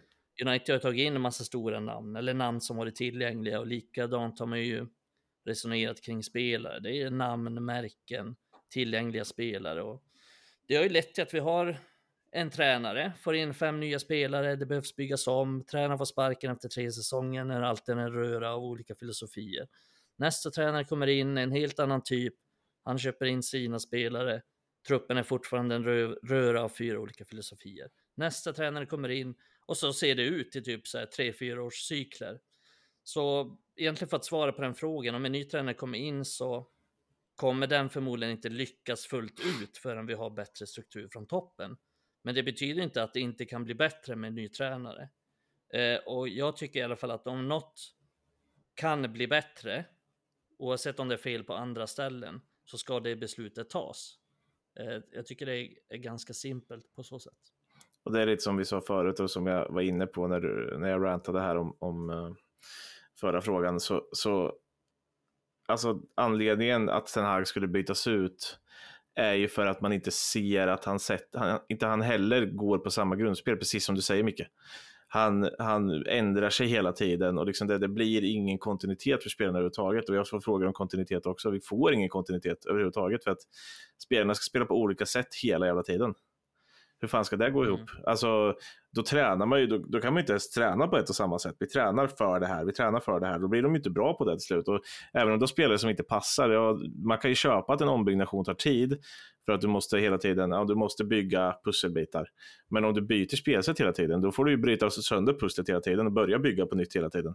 Uh, och, ja. och, det är ju det som kanske är problemet med att man byter tränare. Men då vill man ju ha en tränare som typ De Serbi, som jag spelar det här sättet och jag kommer spela det här sättet. Köp det eller köp det inte. Alltså... Exakt, och då också använda Alltså, då blir hela truppen införstådd med vad de ska göra i den här tydligheten att det spelar ingen roll om det är Maguire eller Lindelöf eller Varann som spelar. Ni ska spela på det här sättet. Ni ska slå de här passningarna. Ni ska, vi har det här rörelsemönstret. Oavsett om det är du, Rashford eller Garnacho eller Höjlund. Ni ska ta de här löpningarna i de här ytorna. Ni ska göra det. Annars så spelar ni inte. Nu känns det väldigt mycket som att oavsett hur vi spelar eller hur dåliga vissa är så får de fortsätta spela ändå. För att det blir inga konsekvenser av att eh, de gör si eller så. Och rent taktiskt så har vi ju extremt många brister nu. Vi har brister i uppspel. Vi, fort, vi kan fortfarande inte bygga upp ett spel från backlinjen. Och jag är helt övertygad om att hade De Serbi eller Pep jobbat med det här laget i två år så hade de såklart lyckats sätta ett jävligt bra upp, uppspel eller en bra uppspelsfilosofi. Vad fan, Serbi gör ju det med Louis Dunk och dem. Mm. Så det hade, klart hade, att det han, gått, att, hade det gått med eh, Bruno Fernandes och McTominay på, på mitten? nej, men de hade ju aldrig spelat McTominay. Nej, nej. Nej. Alltså han hade, eh, han hade aldrig spelat det här mittfältet överhuvudtaget. Jag, eh, jag tror till, till exempel Kanske inte ens Bruno Nej, jag tror, jag tror faktiskt, om, jag ska, om man bara skulle ta det Serbi som förslag så tror jag att Mount hade spelat mycket mer Ja, eh, där. Ja. Eh, Eh, precis, så att sen eh, har man såklart råd att ha Bruno, kanske den för Bruno är så jävla bra på det han gör, men de, han hade ju aldrig spelat så här, Bru, eller om vi tar det mittfältet som vi är nu, De Serbi och Pep hade ju aldrig haft en mittfältstrio med Amrabat, McTominay och Bruno. Det finns inte en möjlighet att de skulle ha det, och det handlar ju om fotbollsfilosofi. Och sen kan man väl säga så här, säg vad man vill om, om Ten Hag så här, att han är såklart ingen dålig tränare, men är det här sättet han håller på med nu, det här sättet att spela, det, det kommer inte ta oss någonstans. Det kommer inte ta oss till toppen. Det är jag helt säker på. Så att ska Ten Hag vara kvar, då måste han ändra på sig. Då måste han sätta en tydlig, en tydlig spelfilosofi. Och den filosofin måste innehålla att vi är ett dominant lag där vi spelar oss från målvakt via backlinje, via mittfält, att vi använder mittfält, att vi kontrollerar matcher. För att vi kontrollerar inte en enda match som vi spelar nu. Det är roulette varje match. Det är därför vi vinner nio matcher och förlorar sju matcher. För att eh, ibland förlorar vi, ibland vinner vi. För att det är chans. Det finns, vi har ingen kontroll på någonting. Och de bästa lagen kontrollerar matcher. Det är därför de förlorar så sällan. Det är därför de nästan alltid vinner. För att de tillåter inte motståndare att överhuvudtaget komma mot dem. Eh, om vi ser till liksom antal skott vi har. Jag tror att United har närmare, eller fått närmare 250 skott mot sig den här säsongen bara i ligan. Det är bara, jag tror att det är Luton och Sheffield United och Manchester United som har fått flest skott emot sig. Så att vi är vidöppna centralt på mittfältet. Vi har inga kontroll på matcherna. Vi släpper till extremt mycket chanser. Vi gör inga mål. Vi har inga bra spelmönster. Vi har inga bra uppspel. Eh, så att det är inte bara att ja, men den eller den spelaren. Det är alltid det vi pekar finger på, att den eller den spelaren är inte bra, den spelaren är dålig. Men vi ges ju inte heller några förutsättningar att vara bra när vi inte har den här taktiska disciplinen. Där det är svinsvårt att spela central mittfältare för en Mikael, sån om bra spelare som eh, Casemiro. får eller hoppa Amrabat. in där så tänkte jag ställa en följdfråga som eh, vi har fått av Adam, eh, vår lyssnare. Han frågar om, och jag tänker då de här, det här du tar upp nu, eh, får det, får det dig att tänka att när Ineos intåg väl presenteras, eh, är det då oundvikligt att eh, det kommer, eh, de kommer sätta in en ny tränare att sköta skutan? Eller tror, tror du att det finns en väg tillbaka för Ineos? Och du får ju såklart också svara Jonas. Ja, nej, men jag kan väl börja när jag ändå är igång här. I, när jag ändå är i... i ranta på bara. Precis. Ranta Ja, men jag tror att det är ound- oundvikligt till sist och då framförallt om man inte ändrar någonting. Så att ska han vara kvar, då måste han ändra sitt spelsätt helt. Eh, men fortsätter han så här, då är det oundvikligt. Och frågan är egentligen bara när det sker och jag har svårt att se Ten Hag komma tillbaka från det här för att han verkar inte förstå. Han verkar inte förstå problemet rent taktiskt och han har. Jag känner inte att han har verktygen eller personligheten för att lösa det. Eh, plus att han också, vilket är till hans nackdel, han har blivit osams med flera spelare redan. Vi nämnde ju de där, Ronaldo tidigare med Sancho, Varann kanske också. Och trots att det egentligen inte har gått, alltså det har inte gått så himla dåligt. Det är, bara egentligen den här, den här hösten som det har gått väldigt dåligt och som det kommer lite kritik. Och det, det är nästan så att jag känner nu, alltså en, en motfråga liksom. Varför ska Ten Hag vara kvar? Mm. Och det ska jag svara på. Nej men eh, eh, jag är ju nog, eh, jag lyssnar ju såklart på er varje vecka här och eh, det är ju svårt att eh, komma med, jag kommer faktiskt inte komma emot argument men på något jäkla vänster så så tror jag faktiskt att jag är mest eh, lojal mot honom av oss tre som sitter här och kanske även Adam inkluderat. Men det kommer inte finnas tid, jag släpper, jag säger det nu bara så. Eh, får vi köta mer om det i något annat avsnitt. Eh, Jonas, eh, tror du att det blir en ny tränare när Ineos kommer? Ja, men alltså, eh, du har varit inne på det innan och eh, det kommer ju bytas ut sportslig ledning. Eh, det är ganska såklart och allting hänger ju på om den, vi säger den sportchef eller vad den nu får för roll som kommer in, eh, vilket jag är ganska säker på att det kommer komma en. Eh, om den kommer in, vi säger att vi ska spela på det här sättet, någonstans, vi vill ha den här typen av spelare. Om Ten Hag då kan köpa att eh, börja spela sitt Ajax-spel då eller någonting sånt eh, för att han blir lovad något helt annat. Ja, kanske, men då måste han också börja implementera det hela tiden. Eh, då kan han inte hålla på så här och då säger jag så här, lite som Micke, varför ska han vara kvar annars? Eh, det, det, det, det jag tycker är väldigt osäkert och det är spekulativt, men eh, jag tror att han eh, vid lite för dåliga resultat, vi säger både Bayern och Liverpool här och, och Ineos är på ingång, så, så tror jag han kan ryka relativt snart. Ja, och sen tror jag också att de, när de kommer in i oss, när det väl blir, om det blir nästa vecka eller så, så kommer ju de göra en grundlig koll av hela organisationen. Och då tror jag som du Jonas att de, ja, men Arnold har redan avgått som vd, de kommer anställa en ny vd, de kommer förmodligen anställa en ny sportchef, de kommer förmodligen göra fler ändringar i den Mm. sportsliga ledningen. Och sen så kommer de utvärdera truppen och tränaren. Och då misstänker jag att eh, det kanske blir i slutet av säsongen eller kanske efter säsongen till och med. Att då kan de ju ta beslutet att ja, men den här är inte nog bra för vi vill inte spela på det här sättet längre. Vi kanske har hittat en jättebra kandidat som kan komma in och göra det bättre. Eh, och då, ja, det är svårt att säga, men då tror jag att de kan ta någon, något form av sånt beslut. Mm. Sen kan det ju vara så att de också ger tydligare instruktioner så att ja men eh, Ten Hag, du ska spela på det här sättet eller vi ska ha den här filosofin eller vi ska göra si eller så. Och då kanske han, eftersom han är ganska flexibel som tränare, då kanske han kan ändra på någonting och få det att fungera bättre. Men jag tror inte det. Tränare vill ju ogärna bli tillsagda vad de ska göra, utan de har ofta sin grund, sin filosofi, det de vill göra med det de har framför sig. Och jag tror det blir svårt att, att ändra på det. Det Så ska jag tror han bli... ryker till eh, slut. Vi, vi Inte nu, ifall- men jag tror han ryker till slut. Vi kommer att få komma tillbaka till det.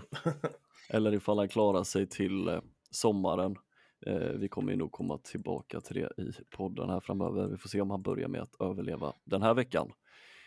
Vi behöver knyta ihop säcken. Eh, vill återigen tacka för alla lyssnarfrågor och vi kommer att försöka eh, Ja, det var ju inte vårt mål att ha två timmars avsnitt här utan vi tar ju med så många frågor som möjligt. Men eh, det är superkul att ni eh, interagerar med oss på, på Raspodden på Twitter. Fortsätt komma med frågor och eh, glöm inte heller att följa Raspodden på Twitter och framförallt inte Red Army Sverige på våra sociala medier.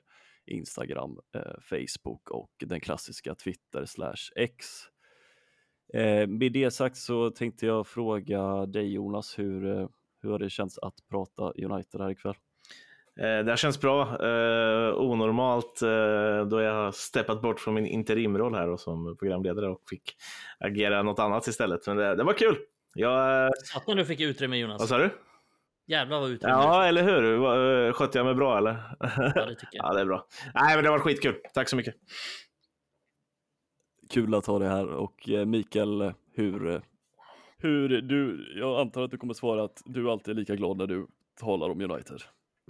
ja, alltså på något sätt så är det det. Är, det finns, vi kan inte anklaga United för att inte ge oss något att prata om i alla fall. Vi, vi har mycket att säga, vilket märks på längden på avsnitten, men ja, jag hade kunnat snacka i två timmar En till. skadlig kärlek. Mm. Verkligen en skadlig kärlek och vi får väl se hur eh, kärleken visar sig eh, upp i morgon mot eh, Bayern München. Med det sagt så tackar vi för idag. Ha det gott så hörs vi nästa vecka.